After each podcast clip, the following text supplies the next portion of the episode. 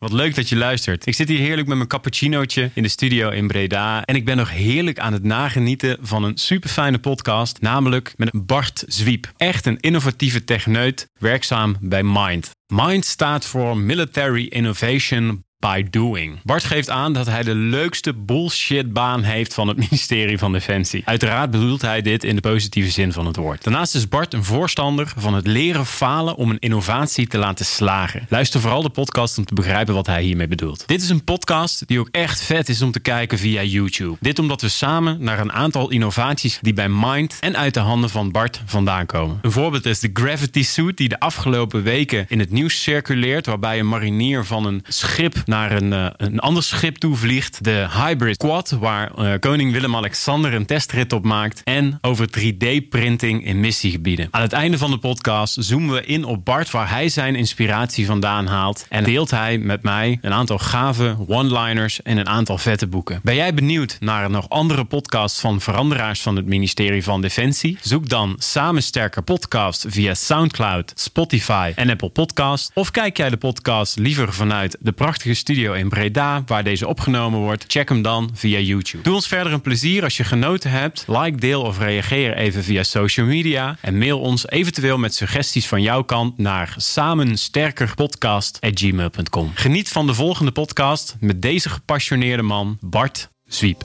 Het ministerie van Defensie. Een bedrijf met gepassioneerde, trotse en talentvolle mensen. In deze podcast verbinden wij deze mensen zodat ze samen sterker worden.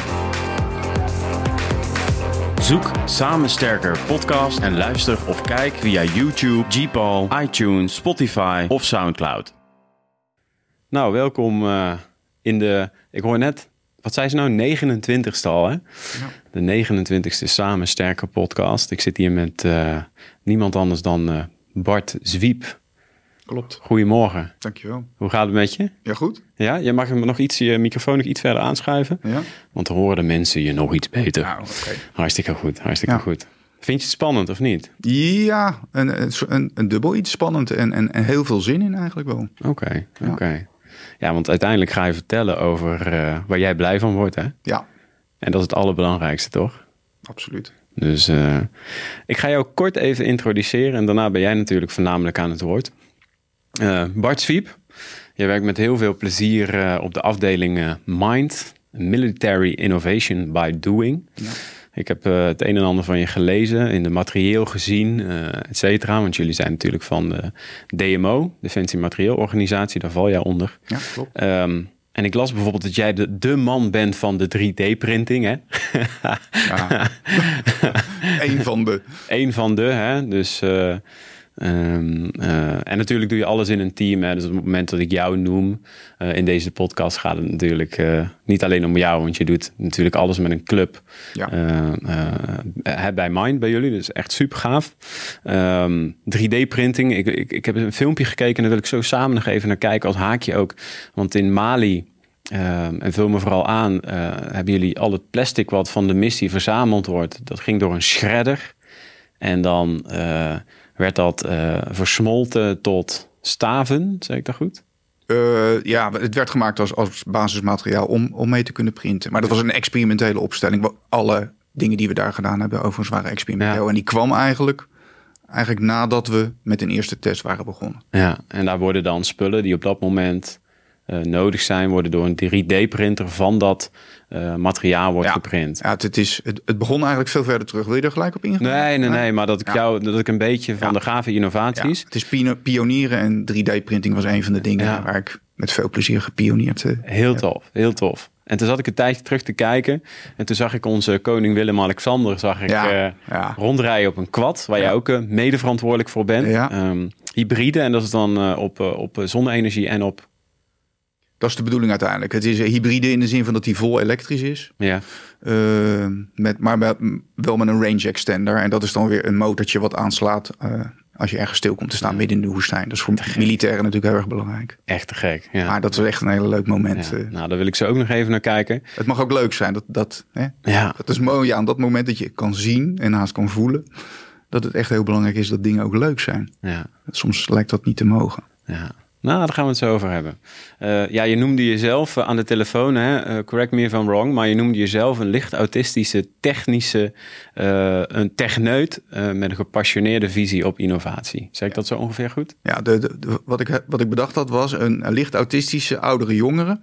met passie voor techniek. Oh, dat was het. Ja. er zitten allemaal stukjes in die verwijzen naar passies die ik heb. Ja. Hey, vertel eens iets over jezelf. Want uh, uh, welke rollen vervul je in het leven? Wie ben jij? Stel jezelf even kort voor. Ja, wie ben ik? Ehm, positief, misschien zelfs soms opportunistisch. techneut met passie licht autistisch eh, vind ik altijd leuk om te zeggen. Omdat ik vind dat sowieso alle techneuten dat een beetje hebben. Waar dat vandaan komt, weet ik niet. Misschien een langere concentratieboog dan normaal.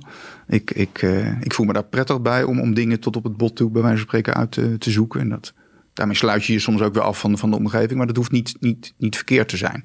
Ik probeer heel vaak dingen te roepen van dat je denkt, hé, hey, dat klinkt negatief. Terwijl ik dat zelf als eigenlijk als heel positief en ook positief bij anderen ervaar. Ja. Iemand kan prima autistisch zijn en heel gezellig, uh, zelfs, zelfs soms gezelliger en uitdagender dan anderen. Ja. Nou ja, oudere jongeren refereert aan mijn, mijn, mijn achtergrond. Uh, opgegroeid, geboren getogen in Den Haag. Ja. En oudere jongeren komt natuurlijk van de, van Coat en de Bie. Oh ja, ja, ja. En ik voel me ook een oudere jongere omdat ik een wat oudere geest ben. of, dat probeer ik juist terug te dringen. Een jonge geest in een wat ouder lichaam. Dus blijf nou fris, blijf nou leren. Uh, ja, en passie, ja, dat is noodzaak. Ja. Ik ook hoorde vorige week dat, dat als je iets wil veranderen, en zeker bijvoorbeeld cultuurveranderingen, moet je of passie of een hoge mate van urgentie moet iets hebben. Ja. Nou, dat, dat, dat, herken ik heel erg. Heb jij wel. Ja, die passie heb ik. Absoluut. daar gaan we zo helemaal op terugkomen. Wat ik het allermooiste vond, wat je in de voorbereiding uh, tegen mij zei, dat je de mooiste bullshitbaan van Defensie hebt. Absoluut. Dat ben ik toch heel benieuwd. nou, wat je daarmee. ja, dat, dat, zou dus voor veel mensen negatief klinken. Ja. Maar Bart gaat nu uitleggen dat dat helemaal niet zo is. Absoluut, absoluut. Want dat bullshit is specifiek gekozen niet zozeer om mijzelf, om mijn omgeving onderuit te halen. Maar dat is uit respect naar, naar anderen toe. Uh, wat we ons ook regelmatig moeten herinneren, bewust van moeten zijn. Uh, als ik morgen stop, om wat voor reden dan ook, omdat ik plat word gereden, omdat ik niet meer kan of wat ik voor wat. Uh, en je realiseert je dat het dan best wel lang duurt als er al iets van gemerkt wordt. Hè? Behalve de pers ja, je persoonlijke contacten die je misschien gaan missen. Terwijl als, als, als, als iemand met een, hè, lees niet bullshitbaan, die militair in het veld, die het verschil moet maken daar in die omgeving waar die aan het vechten is of waar die, waar die uh, controle probeert te krijgen of wat dan ook aan het doen is. Dat, dat, is, dat is direct.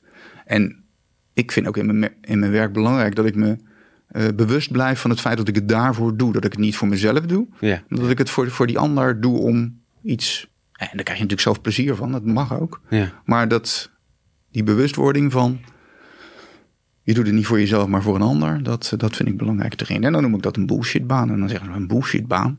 En dat, dat hè, nogmaals, het klinkt als je jezelf onderuit halen. Ja. Maar ik doe het uit respect. Uit respect. Dat is iets anders. Dus eigenlijk uh, ook het kind zijn. Uh, ja. Mogen pionieren. Ja. Uh, mogen spelen. Ja, falen. In dienst van falen, die vind je heel belangrijk. Ja. ja, daar komen we zo zeker op terug. Falen vind je heel erg belangrijk. Maar dat dat er allemaal mag zijn. Ja. het spelen, het falen ehm, in dienst van bijvoorbeeld de mannen in het veld. Ja. Nou, mooi gezegd zeg. Ja, klinkt goed. Ja, toch? Ja. Hey, en eh, Military Innovation by Doing, dat is de club waar jij, um, waar jij werkt. Ja. Waar je techneut bent, waar je allerlei gave dingen bedenkt en lekker faalt. En, ja. Uh, kun je daar eens iets over vertellen? Uh, Mind, wat, voor mensen die Mind niet kennen, kun je eens in, in één mooie pitch zeggen, dit is waar Mind voor staat. Mind staat voor uh, ondersteunen in de breedste zin van, van innovatie in de hele organisatie. En het is een, een kleine club, uh, veel jonge mensen, dat vind ik heel erg prettig, die alles uh, in twijfel trekken. met diversiteit. Ik ben zelf die, die autistische techneut, maar daar zit ook sociale innovatie, is een belangrijke plek. Maar ook bedrijfskundige innovatie, die dingen horen echt bij elkaar. Mm -hmm. ja, en het is, het, ik kom mijn bed uit om het verschil te maken. En ik heb het idee dat ik daar ruimte krijg om dat verschil te maken. Ik krijg ook vooral heel veel ruimte. Dat is ook bijvoorbeeld heel prettig. Uh, en dat zie ik ook met de andere teamleden. Die worden in hun kracht gezet omdat ze die ruimte krijgen. Ja. Uh, ik zit al heel lang bij Defensie en voor Defensie ook semi-overheid. Uh, dan zie je dat de omgeving je vaak probeert te conditioneren met heel veel regelgeving bijvoorbeeld. En dat, dat, hè, dat, dat geeft vaak beperkingen. En hier is alles los. Mm Maar dat levert soms falen op. Ja. Want je kan, ja, soms is het moeilijk om mensen in hun kracht te zetten. Wat een sollicitatieprocedure zonder, zonder duidelijke omschrijving van de opleiding bijvoorbeeld. Ja. in plaats van de gebruikelijke 10 mensen uh, dan, reageren er dan 200. Uh, eh, en dan denk je opeens, oké, wacht even. en dan wordt het keuzeproces weer heel moeilijk. Dus dan ben je in je enthousiasme, bij wijze van spreken, uh, lichtelijk doorgeschoten. Overigens kwam uit die procedure een, een waanzinnige kandidaat. Ja. Maar dan, dan denk je wel eens van, oké, ja, want beschrijven ze het type mensen. Nee, terug. Hoe, hoe gaat dat eraan toe bij jullie? Want um, oké, we zitten nu in een COVID-periode. Maar um, overal, een dag bij Mind. Hoe gaat dat? Um, ja, die COVID heeft vreemd genoeg niet eens zo verschrikkelijk veel invloed bij ons gehad. Het is natuurlijk verschrikkelijk. Uh, uh, zeker voor mensen die dierbaren verliezen en dat soort dingen allemaal. En het is, het is een, uh, een zware tijd voor een hoop mensen. Maar in de innovatiewereld uh, geeft het haast een boost. Uh, het is drukker dan normaal. En mensen zijn meer in een mindset geraakt. Mm dat veranderen soms gewoon toch maar moet. Ja. Die urgentie is natuurlijk heel hoog. Dus mensen moeten veranderen. Thuiswerken bijvoorbeeld. Ik werkte al heel veel thuis voordat COVID kwam. Ja. En toen zaten ze me wel eens te pesten van uh, wie ben jij als ik dan binnenkwam. Of uh, hey. ja. uh, weet je wat, dat soort, dat soort grappen. En, en, maar voor mij was dat al business as usual. En dat betekent dat een, een, een, werkdag, vaak weet ik van tevoren niet hoe het gaat lopen. Mm -hmm. het is een afwisseling van thuiswerken en, en op locaties ergens naartoe gaan. Mm -hmm. um, diversiteit, dat, dat, dat in, in zowel personen dus als in, in, in werken en de, uitvo- de, de, de manier van uitvoeren ervan. Ja, ja. En wat, wat, geeft dan, um, wat geeft dan die vrijheid? Je zegt net al, je hebt het over uh, regels en procedures. Ja. Um, wat geeft dan nog meer vrijheid? Wat, wat, wat laat jou um, je volledige potentie benutten in zo'n club? Als iemand ons benadert voor, voor hulp, omdat ze uh, uh, vastlopen vaak, of omdat hun idee niet gehoord wordt, omdat ze wat willen en dat niet voor elkaar kunnen krijgen en ons om hulp vragen, dan heeft het hele team eigenlijk de, de vrijheid om daarop in te springen. En dat communiceren we wel iedere keer naar elkaar toe, zodat iedereen weet van elkaar waar je mee bezig bent en dat dat ook bijgestuurd kan worden door een leidinggevende. Uh, die dat in dit geval ook heel prettig en, en, en goed doet. Uh, ja, dus dat is met name. Je mag reageren en, en vanuit daar iedere keer weer. En alles kort cyclisch doen bijvoorbeeld is ook zo'n dingetje. Ja. Uh, en dan begin je al vrij vroeg, als het goed is, met falen. Ja. Uh, en, en dat maakt op de lange termijn uh, ook weer echt het verschil. Omdat je dan door dat falen uh, veel beter inzicht krijgt zelf, maar ook aan die andere personen geeft wat ze, wat ze echt willen. Ja. ja. Soms is het toch iets anders dan dat ze dachten. Soms willen ze iets. Nou, laten we een gadget tot voorbeeld nemen. En je krijgt het gadget en je denkt, ja, dit is leuk, maar dat is eigenlijk toch niet wat ik verwacht had. Uh, het moet toch iets anders. Ja. En dan heb je er gelukkig nog geen 10.000 van gekocht voor de hele krijgsmacht. Maar dan faal je op dat moment. Ja. En dan kom je erachter, oké, als ik de goede wil hebben, ja. dan moet ik het dus toch eventjes iets, iets aanpassen. Ja, dus je zit een beetje, hè, je hebt die cycli, uh, cycli hè, um, um, uh, sensing, visioning, prototyping, scaling. Dus dan is het mooi als je uh, faalt in de, um, in de prototyping ja. fase. en dat je er dan achter komt, ja, dit moeten we niet gaan schalen, want het prototype werkt gewoon helemaal niet. Ja, is, is, dat wat je bedoelt? Ja, is randvoorwaardelijk. Als je dat niet doet, gaat het bijna altijd later mis. Ja. Is mijn ervaring tot nu toe. Want heb je, heb je een leuk voorbeeld, uh, misschien recent, want jullie komen nou op het werk. Er wordt om hulp gevraagd vanuit de eenheden bijvoorbeeld. Jullie springen daar met z'n allen als uh, uh, mensen met een jonge geest bovenop. Hè? En jullie gaan eens lekker kijken wat er allemaal kan en falen mag. Geef daar eens een gaaf voorbeeld van dat je zegt, nou daar zijn we toch echt wel eventjes zo hard op ons bek gegaan. Even denken welk voorbeeld uh, ik zal noemen. Um, Bart zit hier met een uh, plaatje. Ja, met kijk, allerlei voorbeelden. Ik kijk even wat de leukste is. Nou, laat ik er een. een, een uh, vroeg in mijn carrière tussen aanhalingstekens. Ehm, toen ontdekte ik in eerste instantie het kracht van het PVE, noem ik dat. Het Requirement Document, het programma van eisen. Zo, ja, zo werd je als techneut. Ik kom als eerste techneut binnen, maak je PVE's en schrijf je precies op wat je wil. Ja. En dan krijg je een budget eraan en dan ga je dat kopen. Met veel plezier. Ja. Uh, en ik specificeerde een systeem en ik kocht het. En uh, het maakte een piepgeluid. Het was een, uh, een thermisch systeem, warmtebeeldsysteem, nacht, mm -hmm. nacht, nacht, nachtsysteem voor na night vision. Moet ik het goed zeggen. En nou, de, de technische oplossingsmethodiek die betekende dat het ding een piepje gaf. Um, en dat, dat aan de ene kant merkten we dat al vrij snel. Maar in, in het requirement document stond ook netjes gespecificeerd dat het vanaf 25 of 50 meter niet meer hoorbaar moet zijn. Nou, toch gekocht. Uh, en toen hij uiteindelijk bij de, bij de militair in het veld uh, landde, ja, die zei natuurlijk ook van ik hoor het piepje. Nou, dan gingen we uitleggen van ja, maar dat hoor je op 25 of 50 meter hoor je dat helemaal niet meer. Dat is, dat is in your mind only.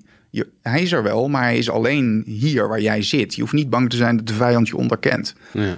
Uh, maar zo werkt het natuurlijk helemaal niet, want er zat een psychologisch effect in yeah. dat hij het gewoon niet wilde. Hij voelde zich gewoon niet veilig. Tuurlijk. En dat stond niet in het document. En daar faalde ik dus ernstig. Ja.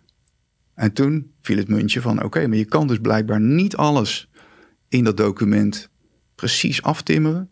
Je moet eens een keer proberen. Je had veel beter een systeem kunnen halen en het echt door operationeel in kunnen zetten. Want dan was dat psychologische effect, bijeffect, wat je niet hebt onderkend, was er wel uitgekomen. Stom, stom, stom. Ja. Nou, volgens, mij, volgens mij zie je dit toch ook in de uh, farmaceutische industrie. Mensen gaan nu lachen, maar ik moet gelijk denken aan. sorry hoor. Aan hoe Viagra ontstaan is. Toch? toch? Ja, ja. ja, dat was toch ook een medicijn? Volgens mij was het een pijnstiller. Of... Ja, complicatie. Ja, ja de complicatie was voor de man onder ons toch iets anders. Maar dat is toch ook zo ontstaan? Dat stond toen ook niet in het programma van IJzer, denk nee, ik. en leuk genoeg zijn het volgens mij dezelfde makers als uh, van nu uh, het Pfizer. de, de, de, eigenlijk de beste COVID. Ja, daarom zit hij vooraan in mijn geest. Het heeft helemaal niks met anders, iets anders te maken. Ben jij al ingeënt? nee. Is dit misschien een bijwerking? nee, nee, nee, nee. nee. Dus wij zitten hier heel veilig van, van elkaar vandaan trouwens, ja. voor de mensen. Dus um, hey, um, even heel, heel kort, hè, want het falen stuk. Dus daar eigenlijk zeg je daarmee dat falen is noodzaak om te kunnen innoveren. Ja, ja randvoorwaardelijk. Ja. ja en het, het vreemde is dat, dat op, nou, zeker in, nou, op school wou ik zeggen, laten we bij jonge leeftijd. Eh, iedereen wordt de speeltuin inge, ingestuurd van faal maar is lekker. Uh, en dat wordt, ook, wordt je ook allemaal aangeleerd. En, en tot een bepaald moment krijg je een kantelpunt. Ik heb dat zelf het meeste ervaren uh, naarmate je opleiding hoger, hè, HBO, WO het wordt steeds meer om falen te voorkomen, lijkt het. Uh, en dat wordt haast een, een, way of living die je, die je overneemt. Waarvoor je, uh, waarvoor je zelf ook de overtuiging krijgt van, nou ja, beter niet falen. Uh, tot je zoiets gebeurt als met een aanschaf van zo'n systeem. En, en, en, er zijn natuurlijk meerdere voorbeelden dat je op een gegeven moment denkt: mm -hmm. ja, maar wacht even. hey, dit, dit gaat niet goed. Ik faal niet meer. Ik, ik leer dus eigenlijk te laat. Hè? Ik, mhm. noem, ik noem wel eens bij wijze van spreken uh, Fukushima. Zo'n kerncentrale waar alles tot in de puntjes geregeld is. En iedereen denkt, nou, dit kan niet falen. En als nou iemand het op orde zou kunnen hebben, dan zou je wel zeggen de Japanners. Ik ben er, ben er gelukkig een keer op vakantie geweest. Nou, dan, ik was echt flabbergasted, overwhelmed bij de, de, de, de, dedication die ze hebben van om alles netjes volgens de regels, uh, geen gekke dingen te doen. En uitgerekend daar gebeurt zoiets. Ja. Nou, nou, weet ik niet of het een goed idee is om daar dan in de, in de ontwerpfase of in de eerste probeerfase ook eens te falen. Maar het geeft wel heel erg aan dat, dat als je maar niet faalt, dat dat helaas geen garantie is dat het je niet gebeurt. Nee, nee. En wat is er nodig, eh, wat is er nodig om te kunnen falen?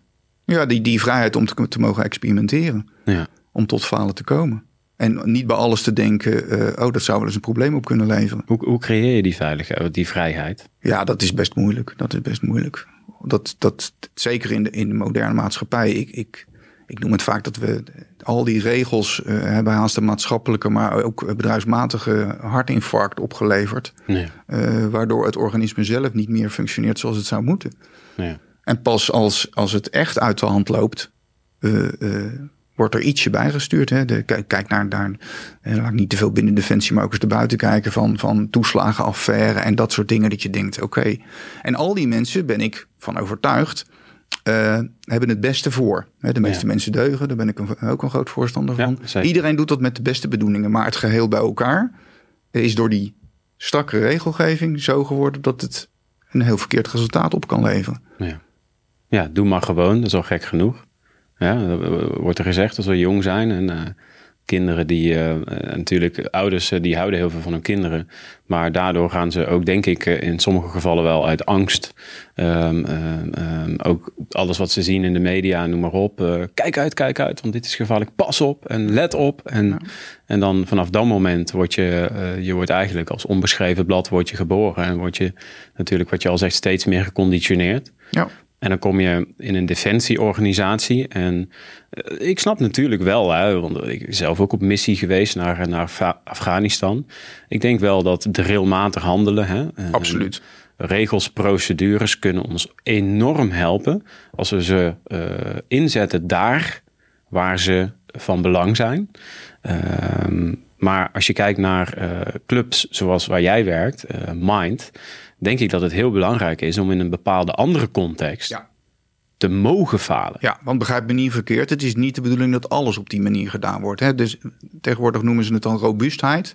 Daar ben ik het ook helemaal mee eens. Bepaalde dingen moet je bewust robuust en met goede regels, regelgeving en wetgeving en alles eromheen moet je ja. dat inrichten. Uh, maar je moet niet doorslaan. Je moet niet denken dat dat op alles van toepassing is. Ja. En dat is wat ik nog wel eens mis. Ja. Uh, en dat is waar ik nou gelukkig uh, kan proberen het verschil te maken. Ja, ja. Door dat naast elkaar te laten bestaan. Ik, ik, ik, roep altijd van als de procedure om een groot wapensysteem, lees een F-35 of wat dan ook aan te schaffen, ongeveer dezelfde is als een potlood aanschaffen, gaat er iets mis. Ja. Dat is niet goed. Dus we plakken eigenlijk, zeg jij, um, veelal, hè? het wordt steeds beter, dezelfde procedure ja. op het potlood of op de, op de JSF. En dat is geen goed plan. Nee. Maar gelukkig zie je nu een hele duidelijke beweging om dat anders te gaan doen. Maar ja, dat vergt tijd, dat, omdat er dan een cultuurelement in is geslopen. Ja. En dat, dat, dat is de pech, die defensie, dat, dat, dat, ja, dat is nou eenmaal zo. Dat we jarenlang uh, hebben moeten bezuinigen bijvoorbeeld. Ja. En dat geeft een bepaalde cultuur. Ja. Uh, want vaak waren, uh, werden besparingen ook gerealiseerd door dingen langer te laten duren. Dus het kwam ook heel vaak wel goed uit dat het iets langer duurde. Ik ben ja. jarenlang projectmanager geweest en ik heb, er werd nooit he, heel veel druk gezet op, op, de, op, de, op de deadline. Ja. Uh, niet dat die er niet was, maar door al die bezuinigingen kwam het dan vaak niet zo slecht uit. Ja. Dus dan dacht je van oké, okay, nou dan gaan we er nog een keer beter naar kijken. Ja. En dan wordt het eindresultaat nog beter. Maar uh, dat wordt een cultuur. Ja. Nou ja, en zoals de bedrijfskunde zegt, uh, uh, dan heb je echt een probleem. Ja. culture eats strategy for breakfast. Ja, ja, dat is ook echt zo. Ja. En dan kost het gewoon tijd en een heleboel effort. maar let's do it. Ja. Dat, kun, dat kunnen we denk ik. En, en er is voldoende momentum in ontwikkeling op dit moment. En daar, ik, ja, daarom zit ik ook hier om. Te, ik hoop dat samen sterker ja. uh, en mijn visie van uh, maak het verschil plus innovatie, ja. dat dat uh, in elkaar gaat grijpen. Mensen gaat enthousiasmeren om leuke dingen te gaan doen, om, om wel proberen af en toe eens te falen in een geconditioneerde omgeving, om zo die cultuur uiteindelijk een andere kant op te krijgen. Ja, ja. Ah, ik vind het echt zo vet. Ik vind het zo gaaf om ook hier met jou aan tafel te zitten. Want uh, zelf ook altijd een beetje met innovatie bezig geweest. Uh, voorheen binnen Defensie. En nu mag ik, uh, dat is natuurlijk ook een soort innovatie. Ik ben ook maar gewoon gaan doen met deze podcast. En hij wordt dan ook nog eens goed beluisterd. En dan zit ik met allerlei van die toppers als jou aan tafel. en, en ik echt, ik, ik, ja, ik word hier zo verschrikkelijk enthousiast van. En waar ik ook heel enthousiast van word. Hè, er zijn een aantal dingen die, waar jij echt een grote vinger in de pap hebt. Maar de laatste weken. Uh, was er in het nieuws uh, zo'n heel gaaf filmpje over uh, dat Gravity Suit. Ja, wat ook bij jullie bij Mind vandaag. Ik wil. Zullen we er even naar kijken? Want ja. ik vind het zo'n vet filmpje. Ja, dus een, collega, mensen... een collega van mij, Marin van Herk. Mm -hmm. Dat is echt een topper. En dat is echt, hè, want dit, dit is bloed, zweet en tranen wat hierachter zit hoor. maar hier wordt ook weer op een schitterende manier het verschil gemaakt. Ja, nou laten we er eens naar kijken. Pak ik hier. Ja, we gaan hem kijken. Dit is hem. Ja. Corus Mariniers is altijd op zoek naar nieuwe... Oh, sorry. Dat zul je net zien. ...nieuwe manieren om, uh, om het werk beter en effectiever te maken.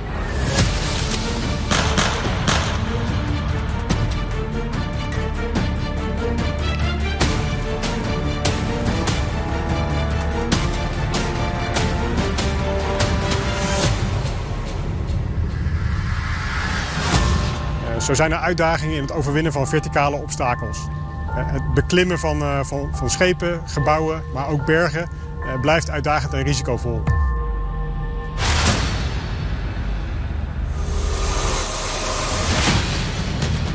Zo te gek dit. Ja.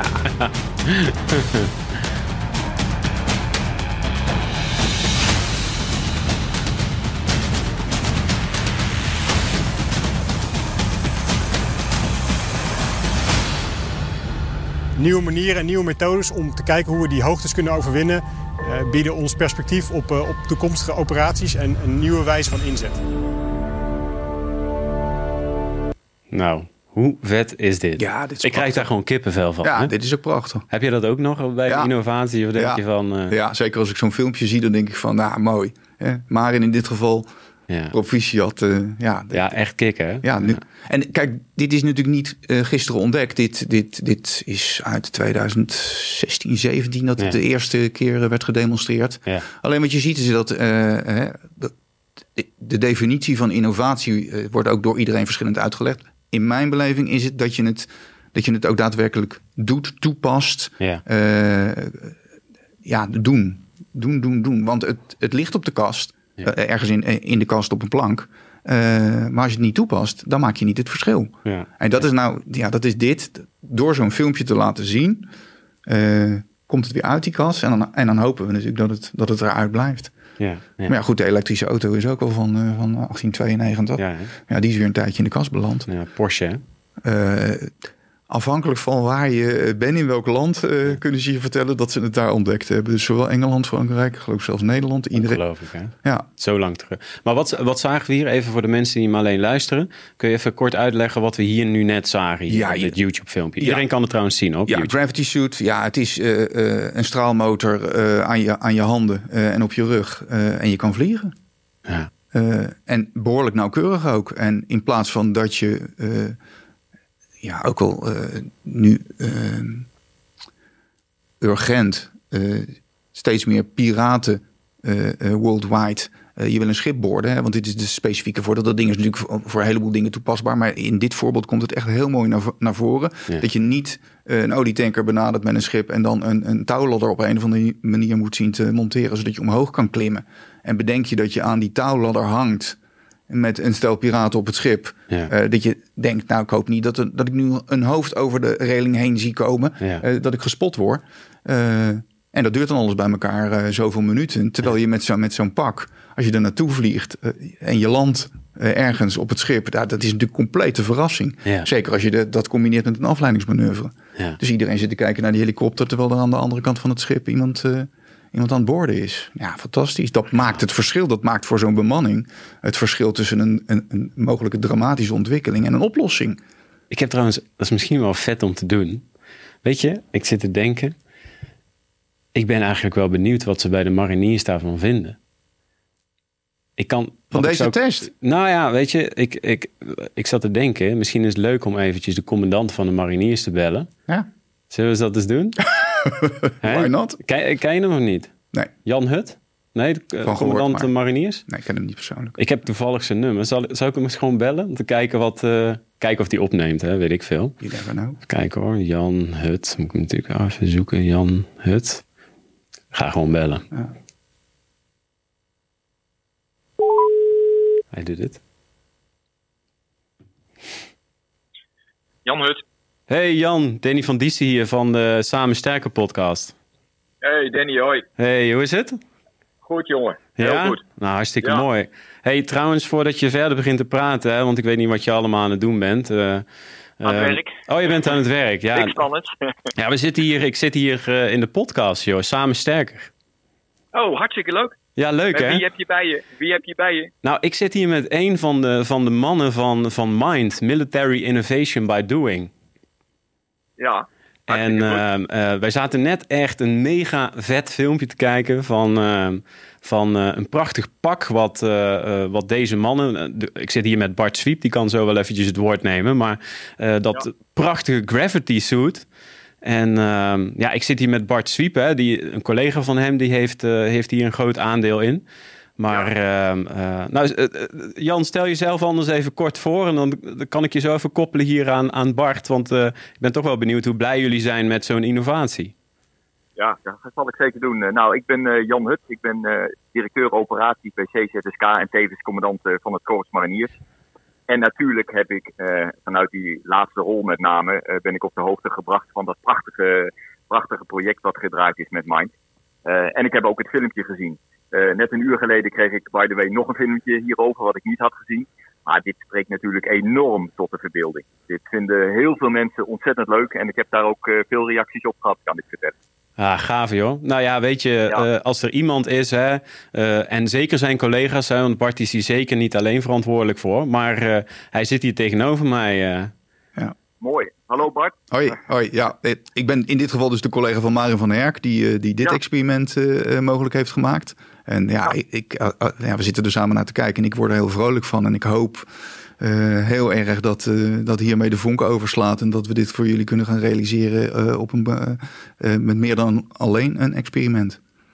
Ja, dat is natuurlijk wat wij ook hopen. Je merkt dat ook direct aan de reacties, kan ik zeggen. Het heeft natuurlijk een enorm hoge James Bond gehalte. Eh, maar eh, ik denk als je daar doorheen kijkt dat dit eh, project absoluut kansen biedt. Het sluit enorm aan bij de manier waarop wij ja, eigenlijk in verschillende omgevingen opereren. Hè. Want we hebben het nu getriald aan boord van een schip. Ja. Nou, het mogen duidelijk zijn dat het aan boord komen een ongelooflijk gevaarlijk moment is in zo'n operatie. Hè. En als je dan zaken kan verzinnen die dat versnellen eh, en die dat, eh, eh, ja, nou eigenlijk dat het laatste vooral, hè, die dat kunnen versnellen, dan is dat enorm belangrijk. Maar ik zit ook meteen te denken aan bergoperaties hè, of operaties in urban terrain, hè, Ja, dus hoge gebouwen. Ja. Nou, volgens mij biedt dit ontzettend veel kansen. Ja, ja. Hoe blij zijn jullie met zulke mannen als Mind voor de collega's die in het veld lopen? Nou ja, en hoe blij zijn wij met een omgeving die daarvoor open staat? Ja, precies, dat ook. dat is echt essentieel. In dit geval, eh, we hebben het met name vaak met Special Forces, mariniers, commando's, eh, luchtmobiel noem ik er dan toch eventjes ook bij, dat, dat daar eh, de mannen op de werkvloer eh, zat ideeën hebben. eh, en dat wij gelukkig in de mogelijkheid zitten, mogelijkheid hebben om, om, om, ja, om dan het, het verschil te maken door in ieder geval zo'n experiment op te zetten en kijken wat er allemaal mogelijk is. Maar dan heb je een klant nodig die, die, die dat mogelijk maakt. Ja, Dank daarvoor. zeker. En jullie, eh, jullie geven dat eigenlijk ook eh, alle twee al. eh, je hebt elkaar gewoon alle twee heel erg nodig. Dus je hebt de mensen nodig die vanaf de werkvloer dit soort ideeën bedenken. En dan heb je helemaal mensen nodig die vervolgens zeggen: hey, dat is gaaf en dat ga ik uitvoeren. En dat wil ik toch ook wel even zeggen. Mind, onderdeel van DMO, eh, heeft dat echt op een hele snelle wijze voor elkaar gekregen. Want ik geloof dat binnen een eh, maand of twee, drie eh, was het voor elkaar om eh, deze demo eh, op dit project naar Nederland te halen. En eh, dat kan echt eh, heel veel langzamer, kan ik je vertellen. Dus eh, hulde voor de manier waarop dit eh, bij elkaar is gebracht. Nou, dat is een groot compliment voor, eh, voor jou Ja. en de collega's, eh, Bart. Dank. Ik heb net geleerd, eh, Jan, het gaat allemaal om eh, leren falen, heb ik hier aan tafel geleerd. Ja, daar moet, je, daar moet je absoluut helemaal niet bang voor zijn. Maar volgens mij moet je eh, nooit bang zijn om te falen of om fouten te maken. Eh, je moet natuurlijk wel blijven nadenken. eh, maar fouten maken mag altijd. En volgens mij moeten wij heel erg blij zijn dat we in een land leven waar gebrek aan ervaring, om zo maar te zeggen, niet direct wordt afgestraft. Dus hoe meer fouten we maken, hoe meer we leren en hoe beter we worden volgens mij. Nou, geweldig. Jan, super bedankt. Eh, mocht jij eh, weer mooie ideeën hebben of de mannen op de werkvloer, dan weten jullie eh, Mind natuurlijk te vinden. Hè? Zeker, zeker. En ik, ik zou vooral willen implementeren in dit geval. Want dit is zo'n mooi project waarvan ik hoop dat ik het, nou laat ik zo zeggen, hoe eerder ik het heb, hoe liever het mij is. En vooral hoe liever het mijn mensen is die hiermee kunnen werken. Ja, nou super. Hey, dat lijkt me een mooie afsluiting. Leuk dat je even de telefoon opnam en eh, wij houden contact. Oké, graag gedaan en heel veel succes met eh, jullie podcast samen. Jo, merci hè. Hey, tot kijk. Jo, Hoi. hoi. Nou, wat gaaf. Ja, ja superleuk. Ja, toch? Ja, ja, Ja, ja. het is toch mooi om eh, iemand te spreken die eh, hier direct mee te maken heeft hè, op de werkvloer. Ja. En ik denk, ja, dan, dan, dan gaan we gewoon Jan, commandant eh Korps Mariniers, gewoon even bellen, toch? ja. Dus eh, sorry voor mijn kleine Nee, nee, hartstikke leuk. momentje. En, en, en ja, dan nu popelen op naar de volgende stap. Hè? Want eh, ik roep dat ook wel eens. eh, je moet oppassen dat, dat eh, innoveren niet eh, bij fantaseren blijft.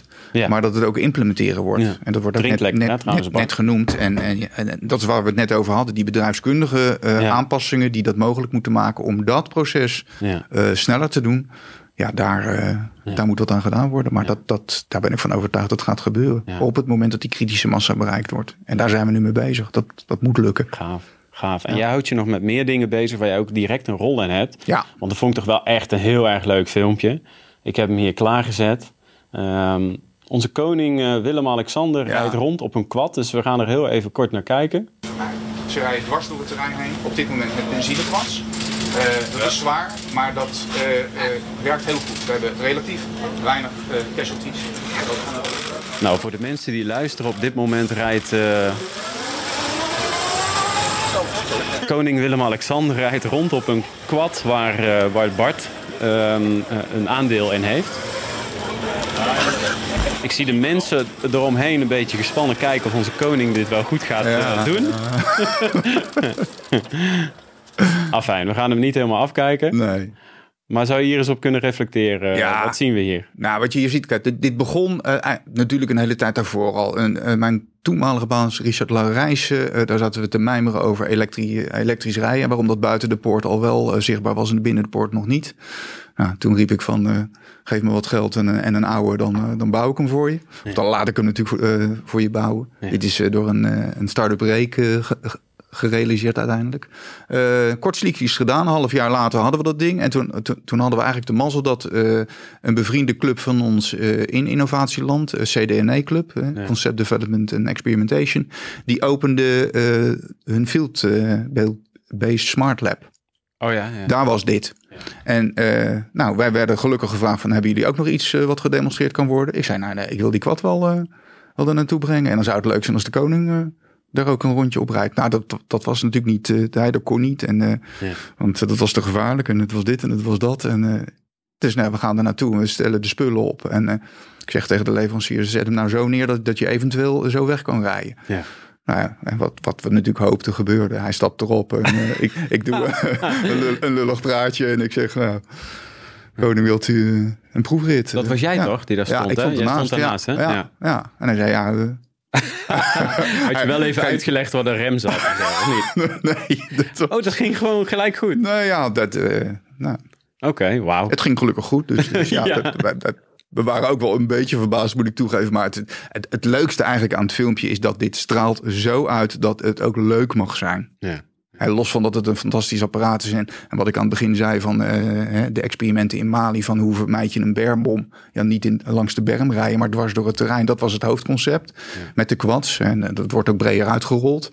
En, en dit is een variant op dat thema die dan aangrijpt bij die elektrische... de energietransitie die nu ook gaande is. Dus ik verwacht hier op termijn echt nog wel wat van. Ja. Ja, dat, dat, dat puzzeltje viel een soort van, van mooi in elkaar. En het maakt het zichtbaar en tastbaar. En ja, het geeft ook weer nieuwswaarde. Ja. En ook weer, hè, again, we zitten hier, ik wil het uitdragen. Ik wil laten zien, innovatie kan wel degelijk het verschil Ja. maken. Het kan wel, kijk maar, hier is het. En nee, het is niet perfect, maar Want eh, eh, eh, het is een hybride quad, dus dat betekent elektrisch op zonne-energie. Ja, ja, nou de promotie begon natuurlijk. Dat is ook weer zo'n mooie fout van, ja, jullie moeten, het, eh, jullie moeten elektrisch gaan rijden, want dat is beter voor het milieu. En dan zegt een militair terecht, joh, ga dan even ergens anders promoten. Ik ben hier om te vechten, ik ben hier voor de veiligheid. Ja. Eh, en toen hebben we een omslag gemaakt van, ja, maar het is stil en het is supersnel. Ja. En toen kwam die omslag met name aan de eh, SF-kant weer, in dit geval het KCT. Die zei, oké, maar dan hebben wij wel degelijk interesse. Ja. En zo moet je ook, ja, dat is ook wel iets. Je moet ook leren meebewegen met. eh, je begint iets met een bepaald idee, maar je moet, je moet er ook niet te lang aan vasthouden. Je moet het ook zomaar weer overboord gooien. Ja. En zeggen van oké, maar nu ver- verandert de wereld. En dus met deze ook weer actueel op dit moment. Want wat je nu ziet is dat, dat zo'n elektrisch voertuig met een range extender eigenlijk meer een energie. Eh, hub wordt, een, een, een elementje in een grid, Ja. als dat het nou een vervoersmiddel is. Ja. Nu krijg je die energietransitie en nu zegt iedereen, ja, hoe kan ik mijn eh, commandoposten eh, wat stiller krijgen? Hoe krijg ik die diesels uit die dag, en- dag en nacht staan te draaien? Ja. Waarom zit er geen batterij in dat ik in ieder geval bepaalde periodes silent kan zijn? Ja. Nou, dus nu, en nu bewegen we weer mee. En iedere keer proberen we dan door mee te bewegen en te doen. Te leren van die fouten weer die we gemaakt hebben. Het uiteindelijk Ja. echt te realiseren. En, en ben jij dan de designer? Of Nee, ben nee, jij nee, echt de, de, de, techneuk die echt eh, met, met, met smeren aan zijn handen... Of, Nee, nee, absoluut niet. Ik ben meer de projectmanager. Ik, ik pak het idee op, wat ik al zei, hè, met, met, met, eh, met iemand erover brainstormen en de kans krijgen ook. Want hè, dat, mijn toenmalige baas zei, oké, hier, hier krijg je het geld, hier krijg je de tijd. Ja. En experimenteer maar. Nou, en dan die vrijheid te gebruiken en het dan in de markt te zetten. Gewoon, dit is een start-up die dat gemaakt heeft. Die, eh, overigens is dat gewoon in concurrentie op de markt gezet natuurlijk. Dus er waren meerdere ideeën en nou, daar wordt dan weer eentje uitgekozen. Ja. Dus er is wel degelijk natuurlijk. En er gebeurt heel veel achter de schermen. Bloed, zweet en tranen. Ook een requirement document. Ook geld regelen. Ook Ja, mensen ja, overtuigen. Ehm, maar ja, uit- uiteindelijk wel tot dat doen komen. Maar jullie doen het wel. hè? Ja, je moet het echt doen. Jullie het doen moet het er wel. komen. Ik ben daar. Ik kan me voorstellen dat mensen me daar soms dwangmatig in, in, in vinden en denken: oh god, heb je. Ik zie de blik in jouw weer. gezicht ook een beetje veranderen. We moeten het gewoon doen. we moeten het gewoon We doen. moeten het doen. ja. Maar dan helpt het heel erg als je, als je voorbeelden kan laten zien van zo'n gravity suit en, en van zo'n filmpje als dit. Ja. Dat je denkt: ja, dit, oké, Ja. let's do it. En iedereen kan dat. Ik bedoel, het is, eh, ik zit in een hele mooie positie, maar het is voor iedereen. Voor, de, voor al die mensen eh, die in dat proces meewerken Ja. eh, en die ik ook nodig heb. Dat is de controle, dat is de verwerver, dat is, Ja. dat is iedereen speelt een rol daarin. Iedereen kan met dezelfde idee 's ochtends de bed uitstappen als ik. Ik ga het verschil maken. Ja, ja, ja. En als het dan mogelijk is, hè, en, en de faciliteiten zijn ervoor, het geld is ervoor, Ja. ehm, de omgeving is ervoor, de context is ervoor, ja. Ja. dan kunnen we heel veel bereiken. Ja. Want ik vind, dit is ook wel, Bart, hè, dit, is, dit is adaptieve krijgsmacht puur zang. Ja. Toch? Dit Ja. is eh, het veiligheidsvraagstuk ligt niet meer alleen bij de krijgsmacht, maar ligt bij de maatschappij. Ja. Die werkt mee. Ja. Maar nu heb je die vraag naar energietransitie. Oké, laten we let's, let's do it together. Kijk ook buiten je eigen, eigen grenzen om. En dit zijn dan natuurlijk grote voorbeelden, maar er zijn ook hele kleine dingen. De, gisteren nog goed contact gehad over een, een schepje. Het Een schepje. een schepje. En dan moet je vertellen wat een schepje. Wat, Nou, wat is daar innovatief aan? Nou, dan is er iemand op de werkvloer die zegt: joh, ik heb, eh, ik heb een prachtig opvouwbare schep. Op zich niks mis mee. Maar eh, als ik een groot gat moet graven, is die wel een beetje aan de kleine kant. Ja. Dat, dat- Ehm, het bio, bio-schopje, ja, daar heb ik zelf ook nog mee lopen Ja. graven. ja, Voordat die, eh, die, die, die, die, die er was, kan ik je vertellen, met allemaal wortels. ja, Dan was ik veel spierpijn en een halve nacht verder. ja, precies. Nou, Dat ding. dat wordt in het veld ervaren. Ja. Eh, ja, dat moet anders. Ja, dat. Oké, eh, wanneer dan? Wanneer wordt de nieuwe gereedschapsuitrusting bij wijze van spreken of de, de persoonlijke uitrusting opnieuw gedefinieerd? Ja, dat gaat even duren. En nou, nou probeer dan nu al te falen. Dus ze willen een, eh, een schepje hebben. Ze hebben dat zelf al op tekening gezet. Nou, en, en ik mag dan er naartoe gaan en denken: oké, nou dan ga ik eens even googlen en dan ga ik eens kijken wat er nu op de vaak civiele markt. De, daar geloof ik ook wel in dat heel veel civiele producten eigenlijk prima bruikbaar zijn Ja. als militair eh, iets. eh, waardoor je niet een hele lange ontwikkeling en een, een heel lang traject hoeft te doen, maar het direct uit kan proberen. Ja. Nou, en ik ben nu bezig om met TNO samen weer te kijken van oké, kunnen we dat eh, middels eh, wat we gezamenlijk op hebben gezet, is ook een heel leuk initiatief. Dat heet de Innovatheek. Ja. En het is eigenlijk een uitleensysteem, zoals een bibliotheek, maar dan niet voor boeken, maar voor innovaties. Daar kopen we kortcyclisch, eh, d- doet TNO dat eigenlijk. Dus die kijkt eerst, is dit een innovatie? Nou, Ja. TNO is gelukkig een, een hele grote organisatie met eigenlijk overal verstand van. Die hebben overal deskundigen zitten. Eh, die vragen zo'n deskundige, is dit inderdaad wat nieuws? Die kopen het voor ons, begeleiden het ook wetenschappelijk. Nou zou je zeggen, ja, wat is er wetenschappelijk aan een kuil graven? Maar dat, dat is afhankelijk van de situatie. Bij zo'n zo'n kwad is dat natuurlijk veel meer. Bij een ander systeem is dat wat minder. Ehm, ehm, ze leggen voor ons vast of het experiment dan een succes is. Mhm. En eh, het is eigenlijk altijd een succes. Want als je faalt, dat is mooi. Dan heb je gefaald, daar was ik al van. En dan heb je het systeem weer om aan iemand anders uit te lenen... in de hoop dat het daar dan niet faalt. Of misschien ook wel faalt, dan weet je dat ook weer. Ja. Maar wat je ermee met name voorkomt... dat is misschien een beetje een Nederlandse gedachte... dat er in eh, meerdere kasten dezelfde systemen liggen... die geprobeerd zijn door mensen waarvan ze dachten... nou, dat is leuk, daar heb ik niks aan. Ja. Eh, en dat is zonde van het geld en zonde van de effort.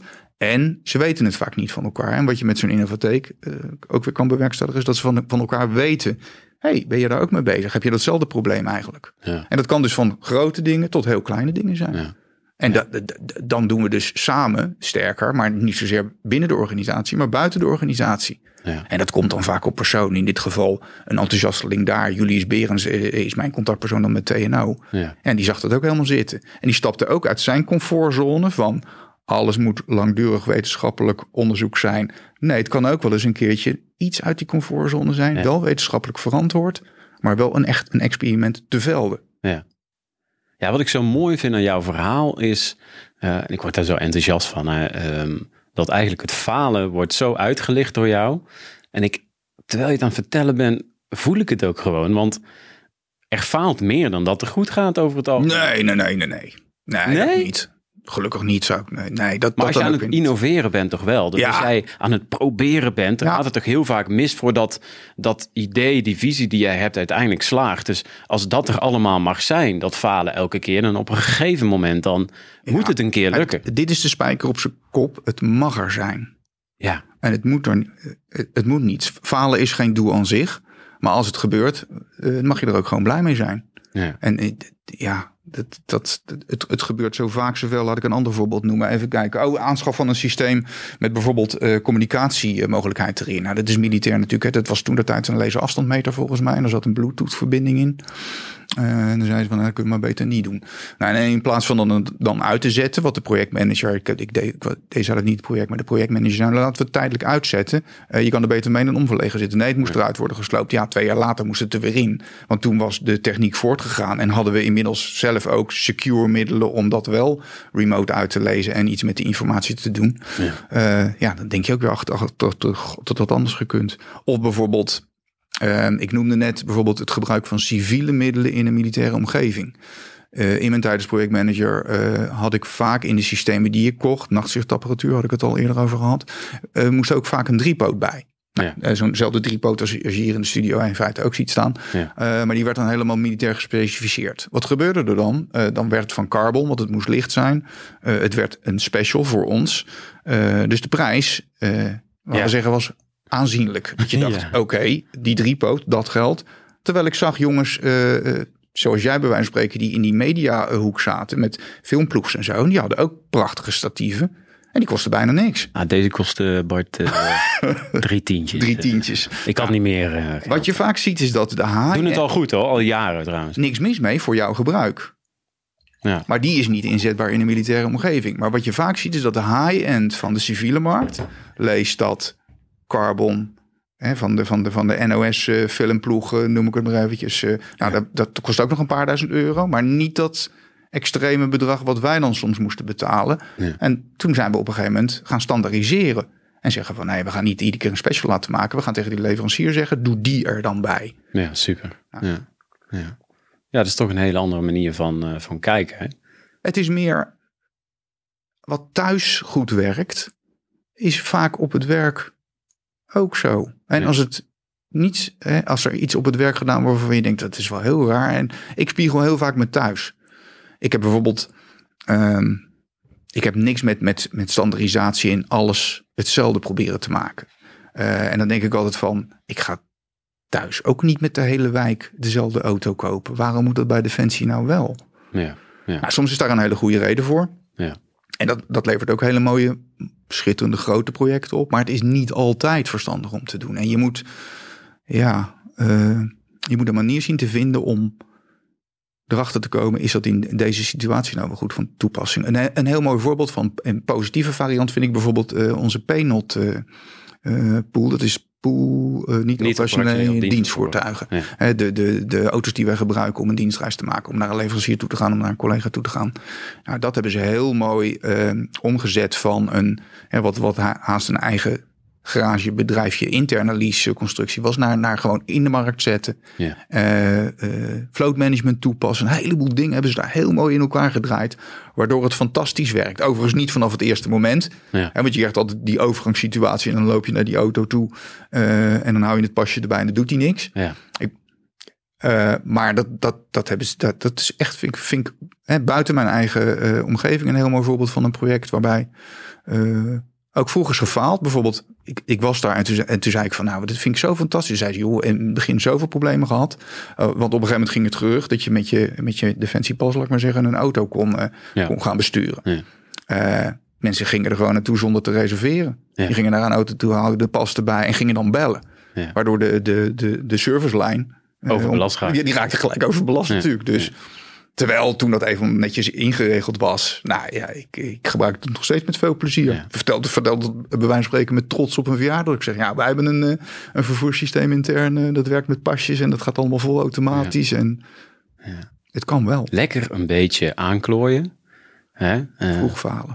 en, en het is ook, tegenwoordig noemen ze dat in een hippe term volgens mij design thinking. Hè? Dus heet dat zo? Hè? Dus starten en dan along the way bijsturen. En dan, want uiteindelijk moeten de gebruikers die moeten er eh, mee aan de slag om ook ehm, eh, in hun context te kunnen opereren. En dan kom je eigenlijk pas achter al de kinderziektes. Ja, Dus waarom beginnen we daar niet heel vroeg mee? Hè? kan je niet afgeleerd. Een Ja. beetje, iets te veel afgeleerd. Ja, hè? ja, ja. Hey, nog even, ik heb nog één filmpje, dat is volgens mij wel een beetje jouw trots. Want in het begin zei ik, jij bent de man van de 3D-printing. En ehm, ik weet niet of dit filmpje echt het filmpje is. Maar ik wil er toch even met je naar kijken, want ehm, ja, dit vind ik toch wel heel vet. En vertel daarna even, het is een kort filmpje, eh, wat we hier gezien hebben met elkaar. Militairen verzinnen continu oplossingen voor de problemen die ze tegenkomen. Dat gebeurt ook tijdens de missie in Mali. Deze zelfgemaakte wapensteun is gammel en duidelijk aan vervanging toe. Een techneut kan een passende oplossing maken dankzij 3D-printing. Deze methode wordt nu in Mali beproefd. Eerst moet de expert een ontwerp tekenen en de data in een computermodel invoeren. Met deze gegevens doet hij vervolgens diverse testen. Niet het voetje, die zorgt dat eh die zit wat voor stijven, dat hij niet te makkelijk omheen te Wil je mij eventueel nog strakker om, de kolf heen hebben? De ontwerper let op de flexibiliteit van het materiaal en op de duurzaamheid. Zo bepaalt hij hoe sterk de componenten van de 3D-print moeten zijn. En zo maakt hij het beste product voor de wensen van de klant. Dankzij 3D-printing kunnen ter plekke oplossingen worden verzonnen voor materiële problemen. Nu gaat het nog om randapparatuur. Maar in de toekomst kunnen mogelijk grotere reserveonderdelen uit de printer rollen. Dat scheelt dan weer in de voorraadkosten. De kunststof komt met een temperatuur van 270 graden uit de printer. Laagje voor laagje wordt de wapenbeugel opgebouwd. Elk laagje is flinterdun, slechts 0,1 mm. Niet veel dikker dan een mensenhaar dus. Het probleem met de wapenbeugel is opgelost. De eerste ervaringen met de testopstelling zijn veelbelovend. 3D-printing lijkt een mooie toekomst te hebben binnen Defensie. Dank man. En deze man rijdt weg met een prachtige, door een 3D-printer geprinte wapenbeugel. En gaat weer op patrouille. Ja. Dat was jij toch, hè? Die er Eh, naast die jongen zat net. Ja, de ontwerper, Thijs Metz in dit geval, briljante ontwerper. Dat was ook een mazzeltje de- waardoor dat soort experimenten ook eh, slagen. Maar ik, ik zat ernaast en ik keek ernaar. En ik, ja, wat, wat, wat daar met name gebeurde, eh, waar ik heel erg vrolijk van, van werd, is dat ehm, een experiment ook weer werd toegestaan. En er waren ook mensen die zeiden van ja, waarom kan je niet experimenteren op de hei en waarom moet dat in een eh, operationele omgeving? En eh, er waren honderdduizend problemen.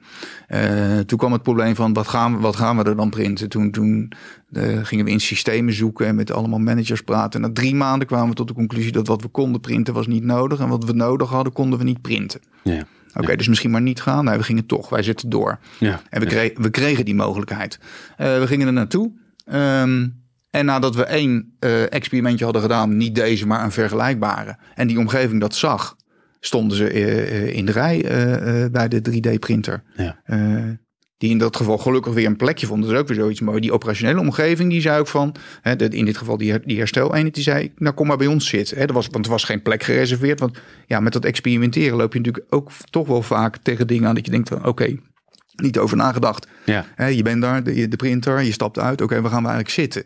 Eh, maar die operationele omgeving en het feit dat, dat die dat dan ook... wanneer ze zien en de kracht ervan zien het omarmen... Ja. Dat verschil van alles vanuit een bureauomgeving proberen te creëren vooraf en daar komen en die rij opeens zien dat mensen naar je toe komen en zeggen van, hey, kan je dit printen? Kan je dat printen? Ja. Eh, en dat waren dan geen, niet zozeer echte eh, reservedelen die, die, die ze misten daar ter plekke, maar dat waren allerlei kleine dingetjes. Een beugeltje Ja. eh, die je leven makkelijker maken, omdat je daar je wapen, hè, in dit geval dan wat beter en wat veiliger op kan bergen. En, Ja. Maar dat, dat waren best wel heel veel dingen. Dat was eigenlijk een, een tsunami, een vloedgolf, 20, 30, 40, 50, dat, dat stopte niet meer van dingen die je daar ja, kon maken voor die mensen. Ja. En het leukste is als ze zien dat dat ideetje wat zij hadden, waar niemand anders ooit op had, ook had kunnen komen, dat het gerealiseerd wordt en dat ze daar blij mee zijn. Ja. Nou, hoe leuk is dat? Ja. Ik En, zo'n korte lijntjes ook, hè? En het plezier wat die mensen uh, daardoor krijgen. Hè? Want wat je zei, het moet ook leuk zijn. Ja. En dit maakt het extra leuk, ja. hè? Ja. Ja, ja. Maar je, Echt- ziet, je ziet het, die jongen. Hey, bedankt man. Ja, ja, ik zit echt zo vet. Dat, daar ik- doe je het voor. En wat ik ook vet vind, is dat het, eh, wat ik begrepen heb, ehm, dat het ook heel duurzaam is, omdat het plastic waarmee die beugel gemaakt wordt, weer afkomstig is van eh, alle drinkflessen op. ehm, Nou, deze beugel niet, maar toen dat zo succesvol was, raakte het materiaal op een gegeven moment op toen we daar aan het experimenteren waren. En we keken naar buiten en we dachten, dat is eigenlijk raar, want dat materiaal, in dit geval was het nylon, maar er wordt ook heel vaak met, met pet, eh, eh, van de petflessen geprint. ja. Eh, en ons materiaal was dus op om de printer te voeden. En we keken naar buiten, we zagen pallets vol met lege waterflessen, want er wordt daar flink wat gedronken Ja. aan water dan. Eh, en toen dacht hij, ja, wat raar. Toen En dan, nou, dan gaat het balletje rollen en dan eh, denk je, ja, hoeveel? eh, waar praten we dan eigenlijk over? Nou, dan reken je het uit voor zo'n zo'n basis als daar in Mali. 300 kilogram per dag. ja. Zo. Oké, maar dan moet je dus geen beugeltjes, maar dan moet je dus tafels en stoelen gaan printen. Nou, en dat idee, Ja. en toen al ook prachtig een filmpje van opgenomen door eh, Dijkstra voor de UN. Eh, ja, die, die vertaalde als het ware al direct het experimentje wat we daar aan het eh, eh, uitvoeren waren Ja. naar iets groters. Ja, Nou, inmiddels is dat opgeschaald. Lees van de zomer krijgen we eindelijk een containermaat met een grote printer erin. Waar je 300 kilogram per dag mee kan verwerken. Dus die petflesjes kunnen dan vershredderd worden. Ja. En daar kunnen dan, eh, die gaan er aan de ene kant in de kant- de container in. En aan de andere kant komen tafels, stoelen, eh, bouwmaterialen eruit. Ja. En dat kan je on the job ook aanpassen. Dus heb je vandaag een tafeltje nodig, doe je een tafeltje. Heb je morgen een stoel. Of zeg je, nee, ja, maar dat heb ik hier helemaal geen behoefte aan. Behoefte aan. Ik wil iets anders hebben. Ja. Ik wil een opstapje of... Zeg het maar. Ik zit, ik, echt, eh, ik zit aan die film te denken, Back to the Future. het lijkt wel echt als ik jou hoor vertellen, hè? want ik, ik zie ook natuurlijk niet alles, maar dan kijk ik die filmpjes, zie ik ineens een gast vliegen, joh, over zee van de ene naar de andere boot. En eh, eh, zelf natuurlijk ook lang militair geweest, maar we zitten wel in een bijzondere tijd, hè Bart? Ja. Echt, dat is toch prachtig? ja, misschien zijn, we- zijn we wel net iets te vroeg nog. Oh, leg uit.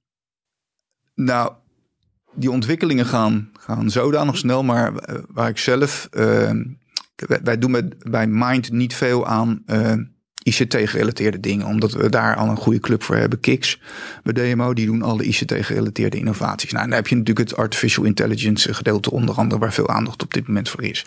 Nou, ehm, en ik ga dan gelijk zitten fantaseren van. Eh, hè, eh, denk aan een film als eh, de Space Odyssey 2001, waarin die computer Hall bewustzijn ontwikkelt. Ja.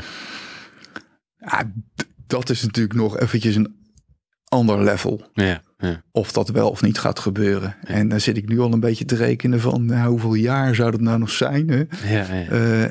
En komen we daarachter? Ja. Want dat we, dat we, dat we, dat we dit soort dingen kunnen. En, en ja, next level van zo'n gravity suit is natuurlijk. hè, we gaan van een keer van deze aarde af. ja, We gaan een keer ergens anders exploreren. ja. Maar dat andere vraagje van of, of laat ik maar zeggen, eh, bewustzijn of intelligentie ook daadwerkelijk een bijproduct kan zijn van, van iets anders dan alleen de mensheid, dat is natuurlijk ook nog wel een dingetje. En daar ben ik dan denk ik net ja. te vroeg voor geboren om daarachter te komen. Ja. ja, het is te gek hè. We fantaseren er maar op los. Ja. Ik denk dat we onszelf helemaal hierin kunnen verliezen nu. Dat gaan we niet doen. Maar zo moet je denken. o- eh, de- de- waarom ik het aanhaal, waarom ik het noem. En dan gaat het een beetje de filosofische kant op. En dat is niet de bedoeling. Maar wa- waarom ik het aanhaal is dat als je in 2018, 17, 18 de mogelijkheid krijgt. De mazzel die ik had om een werkbezoek eh, te brengen aan zo'n omgeving. En daar geïnspireerd te raken. ja. Dat als je maar vasthoudt, als je maar met bloed, zweet en tranen, net als Marin eh, voor, de, voor zijn gravity suit, vast blijft te houden, dan komt het er. Dan kan je het neerzetten. Ja. ja, Daar geloof ik echt heilig in. gaaf. Ja. En dat is ook de reden waarom jij in deze podcast zit, Bart. Want je bent echt, eh, je weet volgens mij alles eh, aan elkaar te knopen en te bedenken. En eh, dat straal je ook uit. Je bent echt heel bevlogen in wat je doet. Ik zie ook heel veel passie, dus dat vind ik echt heel gaaf. Uh, dan wil ik dadelijk uh, tegen het einde ook nog eventjes kort op jou inzoomen waar die vandaan komt. Hè. En uh, um, eventjes wat ik heel belangrijk vind voor de mensen die hier naar luisteren. Um, um, de mensen op de werkvloer zitten met een project in hun hoofd. Die hebben ideeën. hoe kunnen ze bij Mind terecht en hoe gaat het dan? Wat gebeurt er dan? Ja, mailtje sturen en dan pakken we het op. En dat is. Uh, ja, zo, ja, zo simpel is het. Oké. Zo simpel is het. En dat het is geen. Uh, het is geen succesgarantie, noem ik altijd, maar het is wel een inspanningsverplichting die wij voelen. Mm -hmm. Om serieus naar zo'n zoiets te kijken. En te kijken of je kan helpen. Ja. En dat, dat, hoef je niet ook, wat ik al zeg, zo'n schepje, uh, maar noem een, ja, een zwembadrobot die je wil gebruiken om de buitenkant van een schip schoon te maken. Er zijn zoveel ideeën op de werkvloer, briljante ideeën vaak, waarbij mensen met een klein beetje hulp uh, een prachtig experiment kunnen doen. Ja. En dan ook nog eens een keertje met TNO erbij. De, dan krijg je zo'n wisselwerking. Dus dan, hè, dan, dan worden er dingen aan elkaar geknoopt. Uh, ze, ze, merken van andere collega's dat die ermee bezig zijn. Kom hm. naar ons toe. Ja, Zo simpel is het. Een mailtje. Ja. ja. Naar innovatie.dmo.nl is het geloof ik. Ja. Ja. En dan gaan we kijken wat we voor je kunnen doen. Ja. En dat jullie succesvol zijn, dat, uh, zo noem ik het even nu, dat jullie mooie dingen uh, hebben kunnen creëren met die mensen in een juiste context. Dat is wel duidelijk, hè? Um, um, maar waar loopt het, loopt het ook wel eens mis? Dat je zegt van, um, dat zou er nog beter kunnen. Wat zou dan jouw betoog zijn? Als het gaat om innovatie binnen Defensie, in de context Defensie? Ja, dat is een hele moeilijke vraag. Want ja, natuurlijk kunnen er altijd dingen beter, maar um, waar gaat het dan mis? Het gaat vaak mis, denk ik, eigenlijk voorafgaande aan dat dat gebeurt. Ik kom te vaak op plekken waar ik denk dat, dat dat had eerder gekund, bij wijze van spreken. Dat men die drempel voelt. Dat men door de omgeving. Um, laat ik een voorbeeldje noemen. Een prachtig voorbeeld, ook heel, hele recent. Vorige week afgeleverd. Is een, uh, ook iemand in het veld. Uh, Willem Lechters in dit geval. Die heeft een uh, radarmeetsysteem. om ballistische banen van projectielen te meten. En die zit daar met een op zich prachtig, pracht, prachtig systeem, maar wel met een generator die dag en nacht aanstaat, waar ze gewoon last van hebben. Uh, eigen belasting, geluidsbelasting, ze moeten iedere keer uh, uh, diesel op gaan halen. Ehm, en die zegt, joh, ik, ik, ik, wil er eigenlijk iets anders voor. Nou, we doen, we doen een, een eerste experimentje met een systeem. een zonnepaneel, een batterij, om te kijken of we die, die generator stil kunnen krijgen. Um, eerste experiment mislukt. Hij weet ook waarom. Ik zeg, wat wil je wel? Uh, we realiseren dat voor hem. En uh, weer een half jaar, nou, minder, vier maanden later, heeft hij nu zijn, zijn omgebouwde systeem. Mm -hmm. uh, hij, had ja, hij had die visie en, en één experiment mislukt en de volgende lukt. Nou, en, en waarom had dat ook al eerder gekund?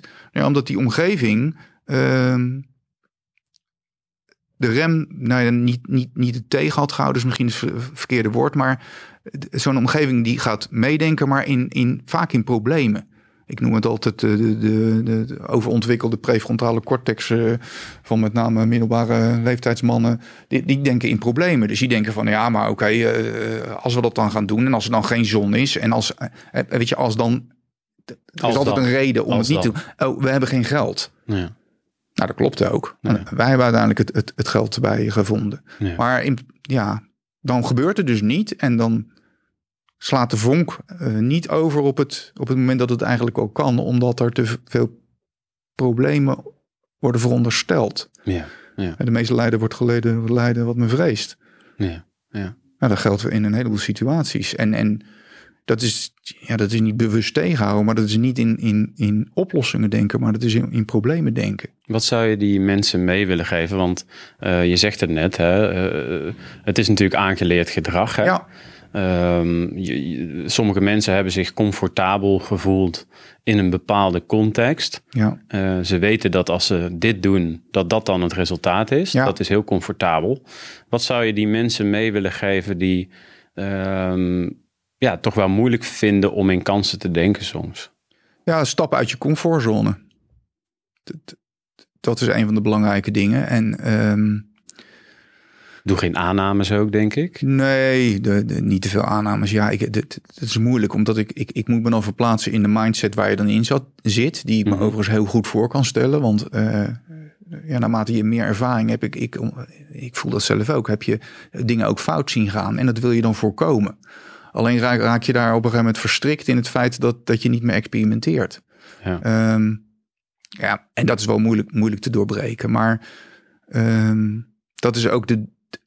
de reden waarom ik hier wil zitten, om het te laten zien dat het wel degelijk kan. En, Ja. en, de, en misschien ook wel om aan te geven dat we ons wel degelijk bewust zijn van het risico.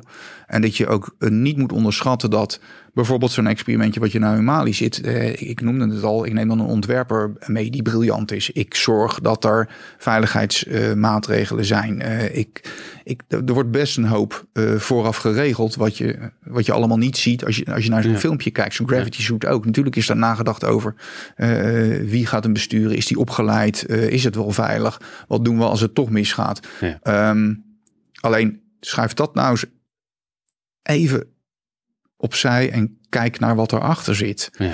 Ehm, een ander voorbeeld daarin is dat we bijvoorbeeld veiligheidsmaatregelen op het gebied van schieten. Hè, Met militairen kom je heel vaak al in de buurt van, nou, ik wil iets ver- veranderen aan mijn wapen.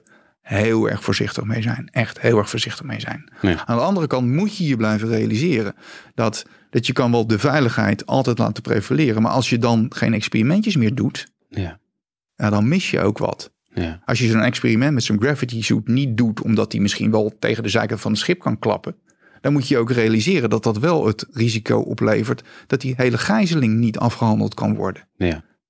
Ja. Daar moet je proberen doorheen te kijken. En dat, dat, je moet dan wel oppassen dat niet het doel heiligt alle middelen.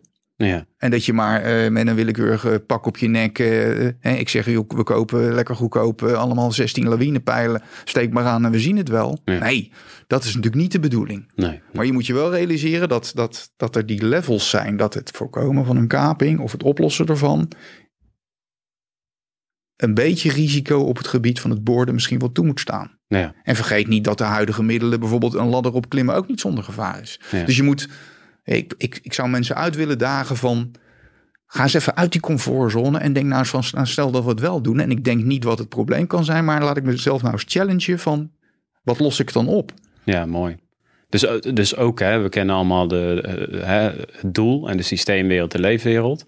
Eh, maar wat was ook alweer het doel van wat we hier gingen doen? Dat Ja. wil ik je ook zeggen. Ja, Hè, dus, dus probeer je ook eh, ehm, eh, te verplaatsen in die mannen die uiteindelijk die eh, opdracht moeten gaan doen. Wat gaan die daar doen? Ja, die gaan een gijzeling voorkomen.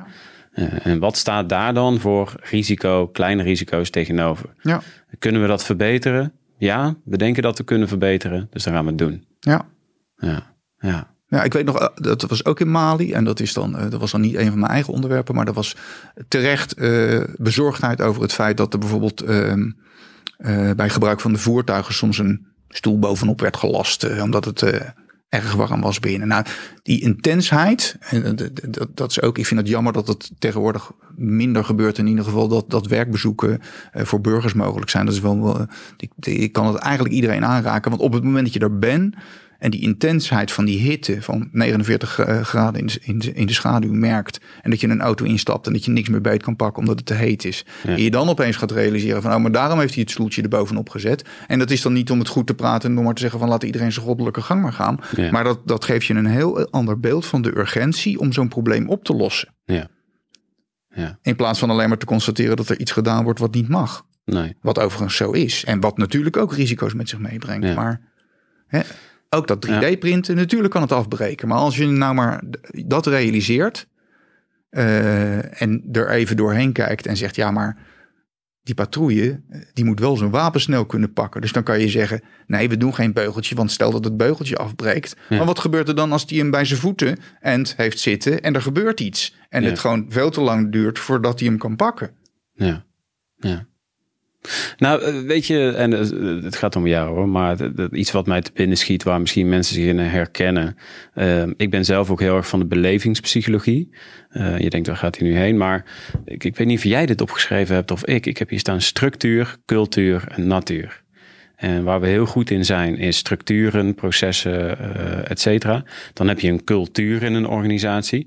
Maar ik heb daaraan toegevoegd, althans, misschien komt het van mij, natuur. En daar bedoel ik mee. Je hebt een paar keer al het woord bewust genoemd. Um, maar we hebben ook nog het onbewuste. Ja. Uh, er is steeds meer aandacht voor tegenwoordig. Uh, sommige mensen door uh, diepe zelfreflectie, die komen er steeds beter meer achter wat hun talenten zijn, omdat ze dat niet wisten.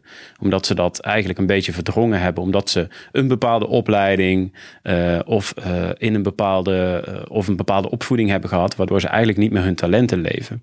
Ja. Um, waarom zeg ik dan belevingspsychologie? De enige manier om erachter te komen, dingen die jou onbewuste, dingen die je dagelijks doet eigenlijk. Autorijden doe je ook grotendeels onbewust. Ehm, eigenlijk kan een context jou triggeren om erachter te komen wat die onbewuste patronen zijn. Dan maak je ze bewust en dan kun je dat het in die cultuur implementeren. En ik zie eigenlijk dat we uh, binnen Defensie nog weinig aandacht hebben. Hè, nog weinig, want talentmanagement uh, spreekt het al wel aan en sociale innovatie ook. Dat we op de, naar de natuur van de mens waar kom je vandaan? Uh, dat we daar nog weinig naar kijken. En ik denk dat we uh, meer die beleving, want je noemt het net zelf, neem nou eens die mensen mee. Stop die eens, stop die eens, zet ze eens in zo'n auto en laat ze eens beleven. Want je ziet in de, ja. in de media ook heel veel, en ik, ik, moet uitkijken wat ik nu zeg, maar ik zie in de media ook heel veel dat mensen over bepaalde conflicten, journalisten hebben dan ineens een hele grote mening over wat er tien jaar geleden ergens gebeurd is. Um, maar A, was je er zelf bij? Um, heb je helemaal aangevoeld wat die mensen op dat moment voelden? Ja. En toen moesten ze een beslissing maken, ja. split second. Ja. Um, dat hoor ik je hier ook een beetje eh, tussen neus en lippen door. Ja, ja goed. Dat is waar ik ja. aan dacht. Nou, het is een hele mooie. En ik wilde nog het bruggetje maken naar omgeving. Uh, want uh, dat is ook nog wel iets noemenswaardigs. Dat je, omgeving zo bepalend daarin is. Niet, niet uh, Um, als je naar innoveren kijkt, dan doe je ideeën daar zo op. Van het een komt het ander. Uh, en wat ik ook gemerkt heb, ik, dat, ik, bij mij viel het kwartje eigenlijk tijdens een opleiding van de design thinking, waar je het net over had. En dat was in Amsterdam. Uh, en toen dacht ik opeens, hé, hey, waarom vind ik dit nou eigenlijk zo leuk? En dat was omdat het een goede cursus was en er goede, goede uh, presentaties waren en goede dingen werden gedaan. Maar dat was ook door de omgeving. Want ik dacht van, als je ditzelfde zou doen in, in, een, in, een, in een grijs kantoorgebouw dan gaat dat helemaal niet werken. En we hebben ook vanuit Mind... Het, het triggeren van die onbewuste dingen, ja, die kleuren ja, en andere ja, ja, ja, ja, ja, ja, ja, ja. toch? Nou, dat, dat is eigenlijk meer aan die sociale kant. Uh, collega Natasja Koetsier, die doet, die doet een heleboel dingen daar, daar zo op dat gebied. Hè? Die conditionering ook van die omgeving en conditioneren van mensen. Als je binnenkomt ergens, doe dan een leuk onboarding traject. In plaats van een, een, een eerste dag met alleen maar uh, uh, presentaties... Wat allemaal buitengewoon interessant is, maar waarvan je wel heel erg slaperig bent aan het eind van de dag. Ja. En daar hoort ook bij die fysieke omgeving. Ook een projectje van Marin van Herk, waar ik het net over had, die van de Gravity Shoot. En die heeft voor ons doorgezet uiteindelijk op het idee een fysieke omgeving die anders is. Ja. Um, eerste stap daarin was uh, Natasja, die heeft in de omgeving uh, Kromhoutkazerne um, in plaats van een standaard vergaderzaaltje een huiskamer gemaakt. Ja om eens wat anders te doen. En next level daarin is dat Marin in Rotterdam uh, een mindbase, zo noemen wij het. Uh, dat is een locatie uh, tussen startups en ook gemeente Rotterdam. Een, een, mix, laat ik maar zeggen, maar mm -hmm. onder andere ook met startups. Gewoon een kavel daar zo gehuurd en gaan zitten. Nou, en wat om events te, te, te, te organiseren, om heel veel um, hoe noem je dat? Uh, clubs die met bepaalde dingen zijn met elkaar te verbinden. Kruisbestuiving. Kruisbestuiving tussen infrastructuren, tussen allerlei uh, uh, bloedgroepen. Wat je ziet is dat mensen daar komen, dat ze gewoon alleen al door de omgeving soort met van geïnspireerd raken. Ja. Dan hoef je eigenlijk niks te zeggen. Ze kijken om zich heen en ze zien dingen die allemaal anders zijn. Hè? En een, een, een, een, een hele grote loods die eigenlijk nog net zo is als dat die 50 jaar geleden was. Ja. Met stalen binten en kranen en weet ik wat allemaal. Maar verkaveld en met een heleboel moderne bedrijfjes erin. Ja, en er zit ook een hoop historie natuurlijk. Hè? Dus dat doet ook wat, hè? Nou ja, en, eh, Rotterdam als haven is natuurlijk ook een leuke omgeving. Maar eh, het punt wat ik wil maken is dat zo'n omgeving echt ook het verschil kan maken. Ja. Gewoon dat conditioneren. Dat kan zijn door een werkbezoek aan een operationele omgeving te doen. Maar dat kan ook op een andere manier binnen Nederland. Ja, ja. Mooi man, je bent een inspirerend eh, mens. Ja, Echt. Nee, meen ik echt serieus. Ik vind het echt rete interessant wat je allemaal te vertellen hebt. En volgens mij, ik krijg altijd een beetje op mijn kop van uh, Cheert, uh, onze communicatiegoeroe, waar ik heel blij mee ben. Um, en die zegt altijd, Danny, probeer nou eens onder het uur te blijven. Ik zeg, maar dat kan toch helemaal niet? En ik wil ook nog echt even uh, naar jou gaan kijken. en ik, er was nog iemand die, die, die, die ik gesproken heb. En die vind je ook wel een heel bijzonder mens. En ik heb een, een, een, kort filmpje van hem voor jou. Oh. Uh, voordat we het over jou gaan hebben. Want dan heb ik natuurlijk een paar leuke aanknopingspunten. Ja. Want naast het feit dat je bescheiden bent en je zegt we doen het met elkaar. Um, um, het is niet voor niks dat jij aangedragen bent. Um, jouw omgeving is ook belangrijk, geef je aan. Maar toch wil ik het even over jou hebben. Ja? Zullen we eens het filmpje gaan kijken? Leuk. Jij denkt, wie is dat dan? Nee.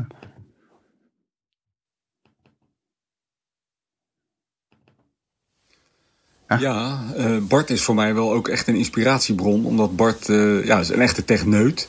En dat gaat vooral om uh, doen dingen net en werken ze. En nou ja, dat is, ja, is gewoon heel belangrijk. En ik ben wel zelf veel meer een vormgever. Dus ja, voor mij is het veel meer belangrijk hoe ziet iets eruit. En of het het dan doet, nou ja. Maar nou, dat, en dat is zo gaaf. Juist omdat we daar zulke tegenpolen in zijn, uh, ja, hebben we elkaar uh, daar iedere keer wel veel in te leren. En in, nou ja, kunnen we elkaar daar goed in aanvullen. En ja, sportief gezien ja, hebben we natuurlijk ook zoveel meegemaakt. Maar ik schiet me ineens een verhaal te binnen dat we ooit in zo'n skihuttentocht zaten. En nou ja, op een gegeven moment heb je dus een hele dag intensief geskiet. En kom je bij de laatste hut aan, gaan de liften dicht. En iedereen gaat op het terras zitten. En Bart en ik kijken elkaar aan, weet je wat, joh, we lopen nog even naar boven. Dus ja, dan pakken we onze skis op onze schouders, op onze nek. En we lopen gewoon naar boven. En uh, we gaan lopen, lopen, lopen. Net zolang tot het bijna donker wordt. En we skiën weer naar beneden. Op een gegeven moment sluiten we weer aan bij de groep. Nou, dat zijn ook typisch van die dingen die Bart en ik dan samen doen. Dus uh, ja, dat is echt geweldig. En uh, nou ja, ik, uh, nogmaals, ik word altijd heel erg geïnspireerd omdat Bart ook eigenlijk alles ongeveer kan repareren. Hij ziet overal mogelijkheden, hij kan dingen maken, hij kan alles weer werkend krijgen. En ja, dat zoekt hij dan ook helemaal uit. En daar heeft hij ook het geduld voor. Want dat is ook, ook een belangrijke eigenschap, geduld. Dat, uh, daar ben ik ook niet zo goed in, geduld. dus ja, wat dat betreft, uh, we hebben wel eens gezegd... we kunnen makkelijk samen gewoon uh, een jaar de wereld rond. Want ja, we zijn zo aanvullend. Dat, en we zullen ook nooit ruzie krijgen. We kunnen echt gewoon samen bijna gewoon een jaar op reis. Dat zou zomaar kunnen. Dat, nou, oké. Succes. Ja, dank je. Ja, fantastische vent. Met wie hadden we het genoegen? Ja, Karel van Terhout. Ja. Uh, goede vriend van mij, buurman. Uh, heel veel dingen met meegemaakt. Uh, hij heeft het over een huttocht. en ook samen uh, met hem naar Afrika geweest. Hij is verbonden aan een, aan een goede doelenstichting. en dan kom je ineens in een, ook een hele andere omgeving. En ja, dat... dat ja, dingen, Omgevingen. Dingen, ja, als je dan ziet wat zo'n omgeving ook, ook weer met je doet. Dat je, dat je in zo'n omgeving als Afrika bent. En dat je opeens realiseert wat, er, wat er dan allemaal eigenlijk wel en niet toe doet. En hoe goed je het eigenlijk hier hebt. Andere cultuur. Maar, uh, andere cultuur. En daar, daar ook dingen van leren. Dat je opeens merkt dat, dat mensen die niks hebben. Uh, waarvan je denkt, nou, daar zul je wel niet vrolijk zijn. Uh, die zetten een cassettebandje aan en, en dan gaat het dak eraf. Ja. Dat je denkt, oké, okay, ja, zo kan het dus ook. Ja, ja, prachtig. Ja. Hey, hoe vond je dat? Even een filmpje van je, ja, van je beste maat. Ja, ja, ja. Dus uh, ja, een van mijn beste. Had je hem aanzien komen of niet? Nou, je, ja. je vroeg nog, heb je hem nog gesproken? Ja. ja, dus. Ja, dit had ik niet verwacht. Nee. Maar dit is leuk. En wat, wat hij ook zegt, dat, dat is ook uh, pakkend, interessant. Uh, hij is zo anders dan ik. Ja. Um, en dat voelt op een of andere manier zo goed. Ja. Um, omdat je dan iedere keer uh, gedwongen wordt om na te denken. Ik benader dingen heel anders dan hij. En, uh, en dan denk ik gelijk als hij het anders doet, ik denk, oh ja, zo kan het, zo kan het natuurlijk ook. Ja, prachtig. Dan, dan, en dan hoef je niet te falen, want dan, dan hoor je het al van, het kan al anders. Ja. Ja. tegenpolen die goed werken, zegt Ja. hij. Eh, eh, Bart kan alles repareren en weer werkend Ja. krijgen. Ehm, eh, eh, en, en, en je hebt erg veel geduld. Ja, dat is dat autistische. En voor de rest is het eh, waardeer het repareren. Het is tegenwoordig mijn... eh, als te techneut begin je altijd met dingen slopen, laat ik maar zeggen. Ja, hè. ja. Dan, dan, dan gaat het van kapot maken, gaat het naar repareren. Ja. En dan is dan, in eerste instantie is dat repareren iets van dat, dat, dat het je blijdschap geeft dat iets het weer doet. Ja. En nu ben ik veel meer in het, hè, omdat ja, circulair natuurlijk ook, ja, dat gebeurt om je heen. Dat zie, dat zie je, dat je denkt, oké, maar het is veel beter om het, om het, om het te repareren. En dan word ik daar weer blij van. Niet zozeer dat het apparaat het dan weer doet, maar dat ik dan voorkomen heb dat ik iets nieuws hoef te kopen. Ja. Ik bedoel, ik heb geen, weet ik veel, vliegangst of zo, omdat ik dan denk van, dan, dan heb ik het eh, milieu weer te veel belast. Maar er komt wel steeds meer bewustwording natuurlijk. Heeft dit er altijd al in gezeten bij jou? Waar komt dat vandaan? Die drang naar innoveren en... Het onbekende. Oké. Dat is het gewoon. Als ik het niet snap, dan, eh, dan, dan begint het te fascineren. Ik ben ook elektrotechniek eh, begonnen, omdat ik dacht, nou, daar snap ik echt helemaal niks van. Daar Ja. moet ik echt achter zien te komen hoe dat zit. En blijf je dat ook doen? Nou, dat Jouw- probeer ik. Dat, is wel, dat wordt wel moeilijker naarmate je ouder wordt. Ja, alles gaat van eh, zwart-wit naar grijs. En ik probeer maar, maar te zorgen dat het niet grijs wordt. Maar Hoe dat doe je dat? Ja, nou bijvoorbeeld door me te laten inspireren door Karel. Ja. Door goed te luisteren naar anderen die anders zijn dan jij. Ja. En dan te denken, oké, dat, ja. En je hoeft niet alles over te nemen. Maar je kan er dan ook een soort met van, gen- van genieten. Ja. Maar het is ook wel eens oncomfortabel, omdat je wellicht ook wel eens geconfronteerd wordt met dat jij het niet juist hebt. Ja, Hoe voelt dat dan? natuurlijk. Ja, nou ja, goed, dat, dan, eh, dan eh, leren. Dan moet je dus leren. Ja, en is dan wel even dat je denkt van misschien als een jonger iemand hè, eh, eh, in je team eh, of een stagiair je een spiegel voorhoudt, kun je dan wel even denken van, "Ah." of is het eigenlijk gelijk, wow, zo had ik er niet aan gedacht. Ja, dat laatste meer. Ja, Maar dat is moeilijk. Dat vind ik een moeilijke vraag. beetje trots zitten natuurlijk wel. Ja, natuurlijk. Ja, Toch? ja, natuurlijk. dat mag toch ook? Ja, ja. Ja. Maar daar probeer ik alert op te zijn. Ja, En dat, is, dat moet je iedere dag weer opnieuw doen. ja. Je kent jezelf heel goed. Hmm, geen idee. Dat moet je aan anderen vragen. Ja, dat is ook weer zo. ja. maar ik zie wel een bewust iemand. Hè? Dus daarom zeg ik, eh, eh, die zich wel bewust is daarvan. En eh, je zegt, ja, om te groeien heb je gewoon tegenpolen nodig. Ja. Ja, ja, je moet uit die comfortzone. Bijvoorbeeld met Karel bijvoorbeeld een, een, een cursus uitgedaan, sportmassage. Nou, dat is voor mij echt way out. dat, dat hij zei, hey, heb je zin om mee te doen? En dat ik dacht, ja, weet je, het voelt niet goed, maar er moest, moest, moesten we maar Die had ik totaal, hè, ik zie die met een, je noemt jezelf licht, jezelf, hè, dus eh, niet Ja, ja, ja. mensen met autisme. Je noemt jezelf een licht autistische, gepassioneerde techneut. Ja, En sportmassage. ja, ja, precies. Help. Ja, maar daar heb je dit soort mensen in je omgeving nodig. Ja, mooi. Heel gaaf. Die je daartoe brengen. En het was fantastisch. Ja, Maar ja, je merkt het pas als je het doet. ja.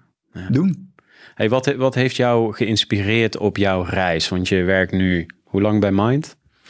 Eh, we bestaan 2,5 jaar denk ik of zoiets dergelijks. Oké, oké. Nou, laten we hopen dat het nog heel lang eh, blijft bestaan. Ja, dat hoop ik ook. Maar hoe jij hier vandaag zit, Bart, als Ja. enthousiaste eh, mens en inspirator. wat heeft jou geïnspireerd op jouw reis hier naartoe? Ehm, ja, veel men- mensen natuurlijk waar je, waar je dingen van leert en die je, die je meenemen erin. En dat, dat heb ik altijd denk ik wel mazzel in gehad. Dat is van, van, van voor mijn defensieperiode dat ik bij TNL heb ik een, bepaalde periode gezeten waar ik eh, nog steeds wel contact eh, met een oud collega Jelle Rodehuis eh, heb. Eigenlijk te weinig, maar. En, en dat zijn mensen die nemen je mee in in in, eh, ja, en wijzen je op dingen. Eh, in defensieomgeving heb ik een hele tijd een goede collega Ton Aars, eh, die, die ook iedere keer de weg, we- de, ja, de weg, wij, de weg wijzen. Ja. Ja. Ook soms met kritiek van dit doe je niet goed en daar moet je dan voor openstaan en dan moet je dat, moet je dat oppikken en er iets mee doen en uit je comfortzone gaan. En ja, uiteindelijk ben ik die hele weg bewandeld. eh, eh, heel veel in die projectmanagementomgeving. Uh, mazzel had dat ik ook een tijdje leidinggevende mocht zijn. Fantastisch geleerd, maar het is gewoon niet mijn ding uiteindelijk. Mhm, mhm. Ehm, en nu ben ik weer een soort met van terug dat ik Ja, alleen leiding geven mezelf, waar ik mijn handen al vol aan heb. En dat, dat merk je wel. nou, ik vind het wel meevallen hoor. En, en, en nu die, eh, die innovatie waar ik... Dat is bij mij heel erg gegroeid. Dat ik daar steeds meer in ben gaan geloven. Omdat ik zag dat het oplossingen uh, genereerde die er anders niet waren. Hè? Bijvoorbeeld dat 3D-printing is daar een prachtig voorbeeld van. Ja. Uh, hoewel een, een, een oud uh, leidinggevende van me zei, Bart, het is allemaal onzin. Want je moet gewoon je voorraadniveau op orde brengen. Waar die feitelijk gezien natuurlijk gelijk in had. Ja. Maar goed, er is meer dan alleen ehm, het kale constateren of die militair kan vechten. Er is ook nog iets als um, ontwikkeling daarin. Ja. En met name aan de kant van dat, dat die werkvloer uh, ook geholpen wordt. Dat die werkvloer niet alleen maar dan uh, de ene schop uh, schepje krijgt of de andere en dat die wel of niet goed is, maar dat ook die mensen geprikkeld worden. Want ik vind het, het altijd weer ongelooflijk hoe mensen op die werkvloer eigenlijk precies weten hoe het zit en je moet daar naartoe. Ja. Je moet daar echt naartoe, want dat, daar ligt goud. Ja. Luister nou eens naar die vent. Luister nou eens naar die slager. Ga eens even achter die balie staan. Draai een uurtje mee in de slagerij en je weet precies hoe het zit. Ja, supergoed. Ja, mooi. Dat een beetje. Dat, is, dat is mijn weg geweest. En, en uiteindelijk kreeg ik de mazzel om dat innoveren fulltime te gaan doen. En dat heb ik met beide handen aangegrepen. Ja. Zelfs ook nog wel getwijfeld. Want mijn huidige chef Hans Kuiper, een fantastische chef, maar hij is jurist. En ik dacht, ja, dat gaat niet goed komen natuurlijk. Eh. Enig vooroordeel. ik, heb, ik heb een hekel aan regeltjes. Ja, ja. Dan ga ik dit doen. Ja. Maar ook daar eh, weer is dat, vers, dat verschil uh, voor mij heel inspirerend. Ja. Omdat hij anders tegen dingen aankijkt en mij op gepaste wijze ook soms remt. Uh, als, als hij zegt, nou Bart, nou, nee, nu wordt het te gevaarlijk of dit moesten we nu maar eens niet doen. Ja. En uh, dat is dan wel ook wel heel prettig, want dan, ja, dan leer je weer. Ja. Leren, hey, leren, leren. Je hebt een hele lijst, en dan gaan we langzaam naar de afronding, maar je hebt een hele lijst aan gave one-liners. De one-liners van Bart. wat, heb je nog, uh, wat heb je nog voor ons? Uh, In de aanbieding. Ik heb er al een flink aantal genoemd. Nou, gelijk hebben en gelijk krijgen zijn twee verschillende dingen. Ik noemde, noemde net die collega bij TNO en die leerde mij het, uh, een pakkend voorbeeld. We hadden een, een prachtig systeem ontworpen. Want we waren toen designers, laat ik maar zeggen, op, op elektronica systemen. En uh, we hadden toen een leidinggevende, laat ik hem Maarten even noemen. En, en, en die zei van ja, maar hij moet ook dit kunnen. Dat, dat moeten we in kunnen regelen. En nou, we hadden erover zitten discussiëren. En ja, dat, dat, dat, dat werkt helemaal niet. Maar, uh, en de demonstratie, de overname van het systeem kwam toen aan Defensie. Mm -hmm. En uh, er zat opeens een knop uh, extra op het systeem. en die was daarvoor. En ik vroeg later, nee, maar we hadden het er toch over gediscussieerd. Hij zei, nee, die knop moest er gewoon op zitten. Dus ik heb dat gedaan, gedaan. Ik had wel gelijk, maar ik kreeg het niet. Dus ik heb me aangepast. Toen dacht ik van, oh ja. ja. En toen zat ik nog helemaal in de modus van, het is het werkt wel of het werkt niet. Ja, dus als er ja, een knop opgezet moet worden die, die geen functie heeft, gaan we dat niet doen. Ja, ik snap. Hij had toen al het inzicht van, je moet je er gewoon opzetten. Dat gaat om het hogere doel. Ja. Dus gelijk hebben en gelijk krijgen zijn twee verschillende dingen. Oké, okay. leermomentje. En dat de computer je als, uh, wat als hulpmiddel kan beginnen. Dat je alert moet zijn. We hadden het net over artificial intelligence. Maar het, je kan, het kan je tot slaaf maken. Ik heb een tijd lang in de managementhoek uh, gezeten als leidinggevende. En er kwamen steeds vaker. En dat is eigenlijk nog steeds wel systemen die je dan zogenaamd helpen. Ja. Met, het, met, het, met het plannen en met het registreren. Maar op een gegeven moment werden we een slaaf van het systeem. Dus ik, ik, ik, ik ging toen van dat ik mensen die allemaal goede managers waren achterna liep dat ze hun planningen bij moesten houden. Ja, ja, ja. Ik had al snel door. Degene die het in de vingers hebben, die kunnen het ook in het systeem krijgen. En degene die het niet in de vingers hebben, kunnen het ook niet in het systeem krijgen. Helpt het nou eigenlijk wel? Ja. Van jongens, schrijf er maar gewoon op wat we afgesproken hadden. En of het de werkelijkheid nou iets anders is, maakt niet zoveel uit. Laten we vooral geen slaaf worden van het computersysteem. Waar heb je daar nog meer tips voor? Want we, ik denk dat, we, dat er heel veel mensen, ook social media, dat we even heel uitgezoomd dat er heel veel mensen slaaf zijn van een systeem. Um, hoe, hoe, hoe, waak je daarvoor? Hoe ik doe jij dat? Nou, ik gebruik daar altijd voor Computer Says No. ja. Dat is natuurlijk een hele bekende. En dan probeer ik altijd na te denken, doe ik nou eigenlijk ook wel dat soort dingetjes? En dan kom je toch weer regelmatig dat ik denk, ja, ik doe ook wel eens Computer Says No. Ja. Ja. En als je dat nou maar periodiek blijft checken voor jezelf, dat je weet dat dat een kwetsbaarheid is. Ja. Ik ben een computerlover. hè. Vroeger bouwde niks een harddisk en een, moederbord aan elkaar en dit en dat en zo. En dan en het enthousiasme, dat breng je dan over naar de- het gebruik ervan. Ja. Hè?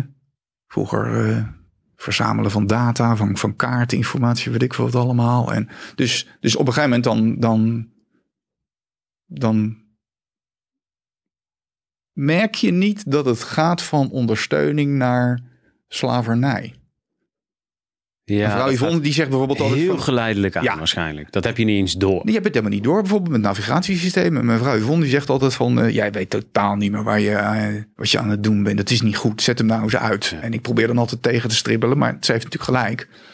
Want je gaat er zo op vertrouwen dat je op hele- eh, als iemand een, een, een, een, plaatsnaam noemt, dan denk ik, ja, dat kan overal zijn. Ja. Aardrijkskunde was al niet mijn sterkste punt. En, die, en die drang om, laat ik maar zeggen, periodiek is verplicht op de kaart te kijken om te weten waar iemand vandaan komt. Dat, gaat op een gegeven moment weg. Ja. Blijf jezelf triggeren, blijf kritisch op jezelf. Zo'n pijnlijk momentje dit. Want ik ben echt slaaf van, eh, van het systeem navigatie. Het ultieme geval dat je naar een va- vakantiebestemming toe eh, rijdt. Ja. En dat er nog zo'n plaatsje blijkt te zijn met dezelfde naam, maar dan 200 kilometer verderop. Nou, ik heb een leuke anekdote hoor, maar ik, ik, moet, ik kan er niet omheen. Want ik heb wel eens training gegeven op Camp New Amsterdam. Dat ken je hè? Ja. Van Defensie. Ja. En ik stond daar te wachten op mijn cursisten. Yo, hey Bart. Op een gegeven moment kreeg ik een telefoontje. Ja, ik rij je rond in Amsterdam. maar ik kan het niet vinden. Ik zei, dat klopt, want het is in Soesterberg. Nou, dat dus. En dat kwam best vaak voor hoor. Maar afijn, slaaf van het systeem. Die, houden, we, die houden we even scherp. Ehm, ehm, nog even wat inspiratie voor de mensen eh, die, die jou misschien eh, die meer van jou willen weten. Ehm, eh, je hebt al heel veel over jezelf verteld ook, maar is, is er nog bepaalde literatuur die jij omarmt? Noem eens drie van de eh, jouw meest favoriete boeken die jou gebracht hebben tot de man die jij vandaag de dag bent. Ja, nou, ik ben helemaal geen lezer, dus dat zijn er niet zoveel. Dat zijn hele simpele dingen. En daarom is de titel van eentje ook zo simpel kan het zijn. Dat is een heel dun boekje. En, en daar, daar staan wat cases in beschreven. En eh, ik geloof ook in het feit dat als dingen simpel zijn, dat ze dan mooi en dat ze dan. Ik, ik geloof haast zelfs dat ze dan vaker kloppen. Het zegt je gevoel. Hè? Ja. De ingewikkeldste formule die we hebben, ESMC kwadraat. Nou, hoe mooi, hoe mooi simpel is dat? Bij wijze van spreken om het hele universum te, te, te, te bes- bestrijken. Ehm, Dat wist Einstein al heel lang geleden. Precies. In dat boekje wordt bijvoorbeeld, eh, eh, ja, hoe vertel ik dat heel kort? Ze, ze zoeken een distributiesysteem voor een, me- een poedermengsel van zout en suiker. Om in Afrika eh, ondervoeding en, en, en zeg maar even buikloop tegen te gaan. Dan is het handig als je dat gebruikt. En, en er werd iemand gevraagd van zet dat nou eens op vanuit een eh, hulporganisatie. Ja. Nou, hè, hetzelfde als wat mij gebeurde. Heel veel vergaderen. Drie maanden later heb je nog, nog niks. Totdat ze op een gegeven moment het idee kregen van... eh, Het moet heel simpel. Je moet iets, iets een bestaans moet je hergebruiken. Ja. Nou, ze kwamen er uiteindelijk achter dat in dit geval een, een cola variant, laat ik maar zeggen, heel wijdverbreid is in dat continent. Ja. En ze maakten het eh, zout en suiker in een ringetje en Ja. deden het om de flesjes heen. En vroegen aan die fabrikant of die bereid was om, hè, en het was voor een goede doel. En het, van het ene op het andere moment was het was, dat was een mega vraagstuk. Verkleind tot iets heel simpels en was de oplossing daar. Hoe simpel kan het Hoe zijn? simpel kan het zijn? Of Ja. eh, eh, verwarde mensen op straat eh, in Brabant niet aanspreken met... hey, ga eens even zitten of ga eens even met me mee. Maar vraag eraan van, lustig jij een, een worstenbroodje? Eh, omdat ze meestal honger hebben en, en in een hele andere mindset zitten. Nou, dat, soort- dat soort dingen. Ja. Als ik dat lees, dan denk ik, oh ja. Om ze even gewoon, ehm, gewoon zijn. even terug te brengen naar een, een, comfortabele gedachte. Ja. Eh, en dan ineens dan zegt ze, eh, eh, ja, Ja. oké, prima. Dan heb, je het, dan heb je gelijk rapport, hè? Heb je gelijk het gesprek. Verwarring. Hoe simpel kan het zijn? Hoe simpel kan het zijn? Wat heb je nog meer? Ehm, even kijken, die film had ik genoemd. Ja, met, met, met, met, ja, mijn baas zei, deze moet je in ieder geval noemen. Want eh, ik heb hier staan beste souvenirs ever. Ja. Nou, eh, ik vertelde dat ik een keer in Japan was geweest, maar daar ver- verbaasde dat over de cultuur. En dat mee, nou niet mee heb genomen, die verbazing heb ik meegenomen. Eh, maar daar eh, raakte ik ook gefascineerd door toiletbrillen. Die, die, die met warm water spoelen en feunen. Ik dacht, ja, dat, dat is, Dus je achterste wordt gefeund. ja, warm Heerlijk. water. Denk heel, ik. heel hygiënisch. Eh, en na een paar keer proberen dacht ik, nou, dit, dit moet ik ook hebben. En je hebt geen toiletpapier meer nodig. Je hebt geen toiletpapier meer nodig. Nou, dat was toen nog geen drive. eh, maar de- gewoon qua comfort en... en eh, en eh, ik heb er ter plekke in gekocht en, en meegenomen. En daar hebben ze vreselijk om gelachen. Ja. Want iedereen liep natuurlijk met een souvenir. En ik liep met een Toiletbril. om mijn nek het liefst. dat, beeld, dat beeld wordt dan opgeroepen. Die zat natuurlijk keurig in Zijn de er doos, foto's van? Daar zijn geen compromitterende foto's van. Maar eh, ja, dat is eh, ja. dat soort dingetjes. Dat, dat, dat, En dat is een boek. nee, dat is geen, Oh, nee, dat is gewoon een boek. voorbeeld. Dat is gewoon een voorbeeld. Ja. ja. Ik, ik heb er nog één voor je, want Ja. ben je zo mee begonnen. Maar ehm, heb jij het boek Bullshit Jobs wel eens gelezen? Nee, Nou, echt serieus. J- Jij zegt, ik heb de leukste bullshit job van, eh, van, van Defensie. ja. En het, dat is een boek, hè? Het boek Bullshit Jobs. Nou, Echt serieus, echt een aanrader. Daar kom je er dus eigenlijk achter. Een van de voorbeelden was dat... ehm, natuurlijk, als je een voorbeeld wil zeggen dat je het niet meer weet. Maar er zijn zoveel voorbeelden... ehm, eh, dat je er eigenlijk achter komt dat mensen ergens een beetje verdwenen zijn in een organisatie... waar mensen eigenlijk niet meer precies van weten wat die nou doen. En die schijnen er echt enorm veel te zijn. Het is echt een ontzettend inspirerend boek als je dat gaat lezen. oké. Dus ehm, die wil ik jou nog even meegeven. Nou, dat ga Dus, ik doen. eh, Dat beloof ik je dat ik die weer. Ik heb al veel te lang weer niks gelezen. nou, Omdat ik van het visuele ben en dus liever filmpjes kijk. ja, ja. Gaan we doen? Hey, ehm, als, als, als, als, als afrondende eh, eh, vraag, dus twee kleine vraagjes. Met, met welke intentie vertrek jij iedere ochtend naar je werk? Het verschil te maken. Ik wil het verschil maken. Hoe klein het is, ik ga het verschil maken. Ja, hè? Ja, Hierdoor eh, innovatie te promoten. Ja. Ehm, vanmiddag hopelijk op de vlasakkers om iets aan een energiesysteem te doen. Tof, Ja, heel mooi. leuk. Zijn er nog dingen ehm, die ik vergeten ben, Bart, die jij nog aan, eh, aan, eh, aan mensen, aan de collega's wil meegeven? Ach, ongetwijfeld, maar nee. Nee, Laat het erbij dat, dit verhaal. dat maak het verschil en iedereen kan het. Het maakt niet uit wat je omgeving is. Het kan. Je moet het alleen doen. Military innovation. Just doing. do it. Doen. Het doen. is een Japanse uitspraak, hè? Just do it. Oké. Vind ik een mooie afronding. Ja. Dankjewel, man. Ja, graag gedaan. Jo. Jij bedankt voor de mogelijkheid. Heel graag gedaan. Oké. Jo.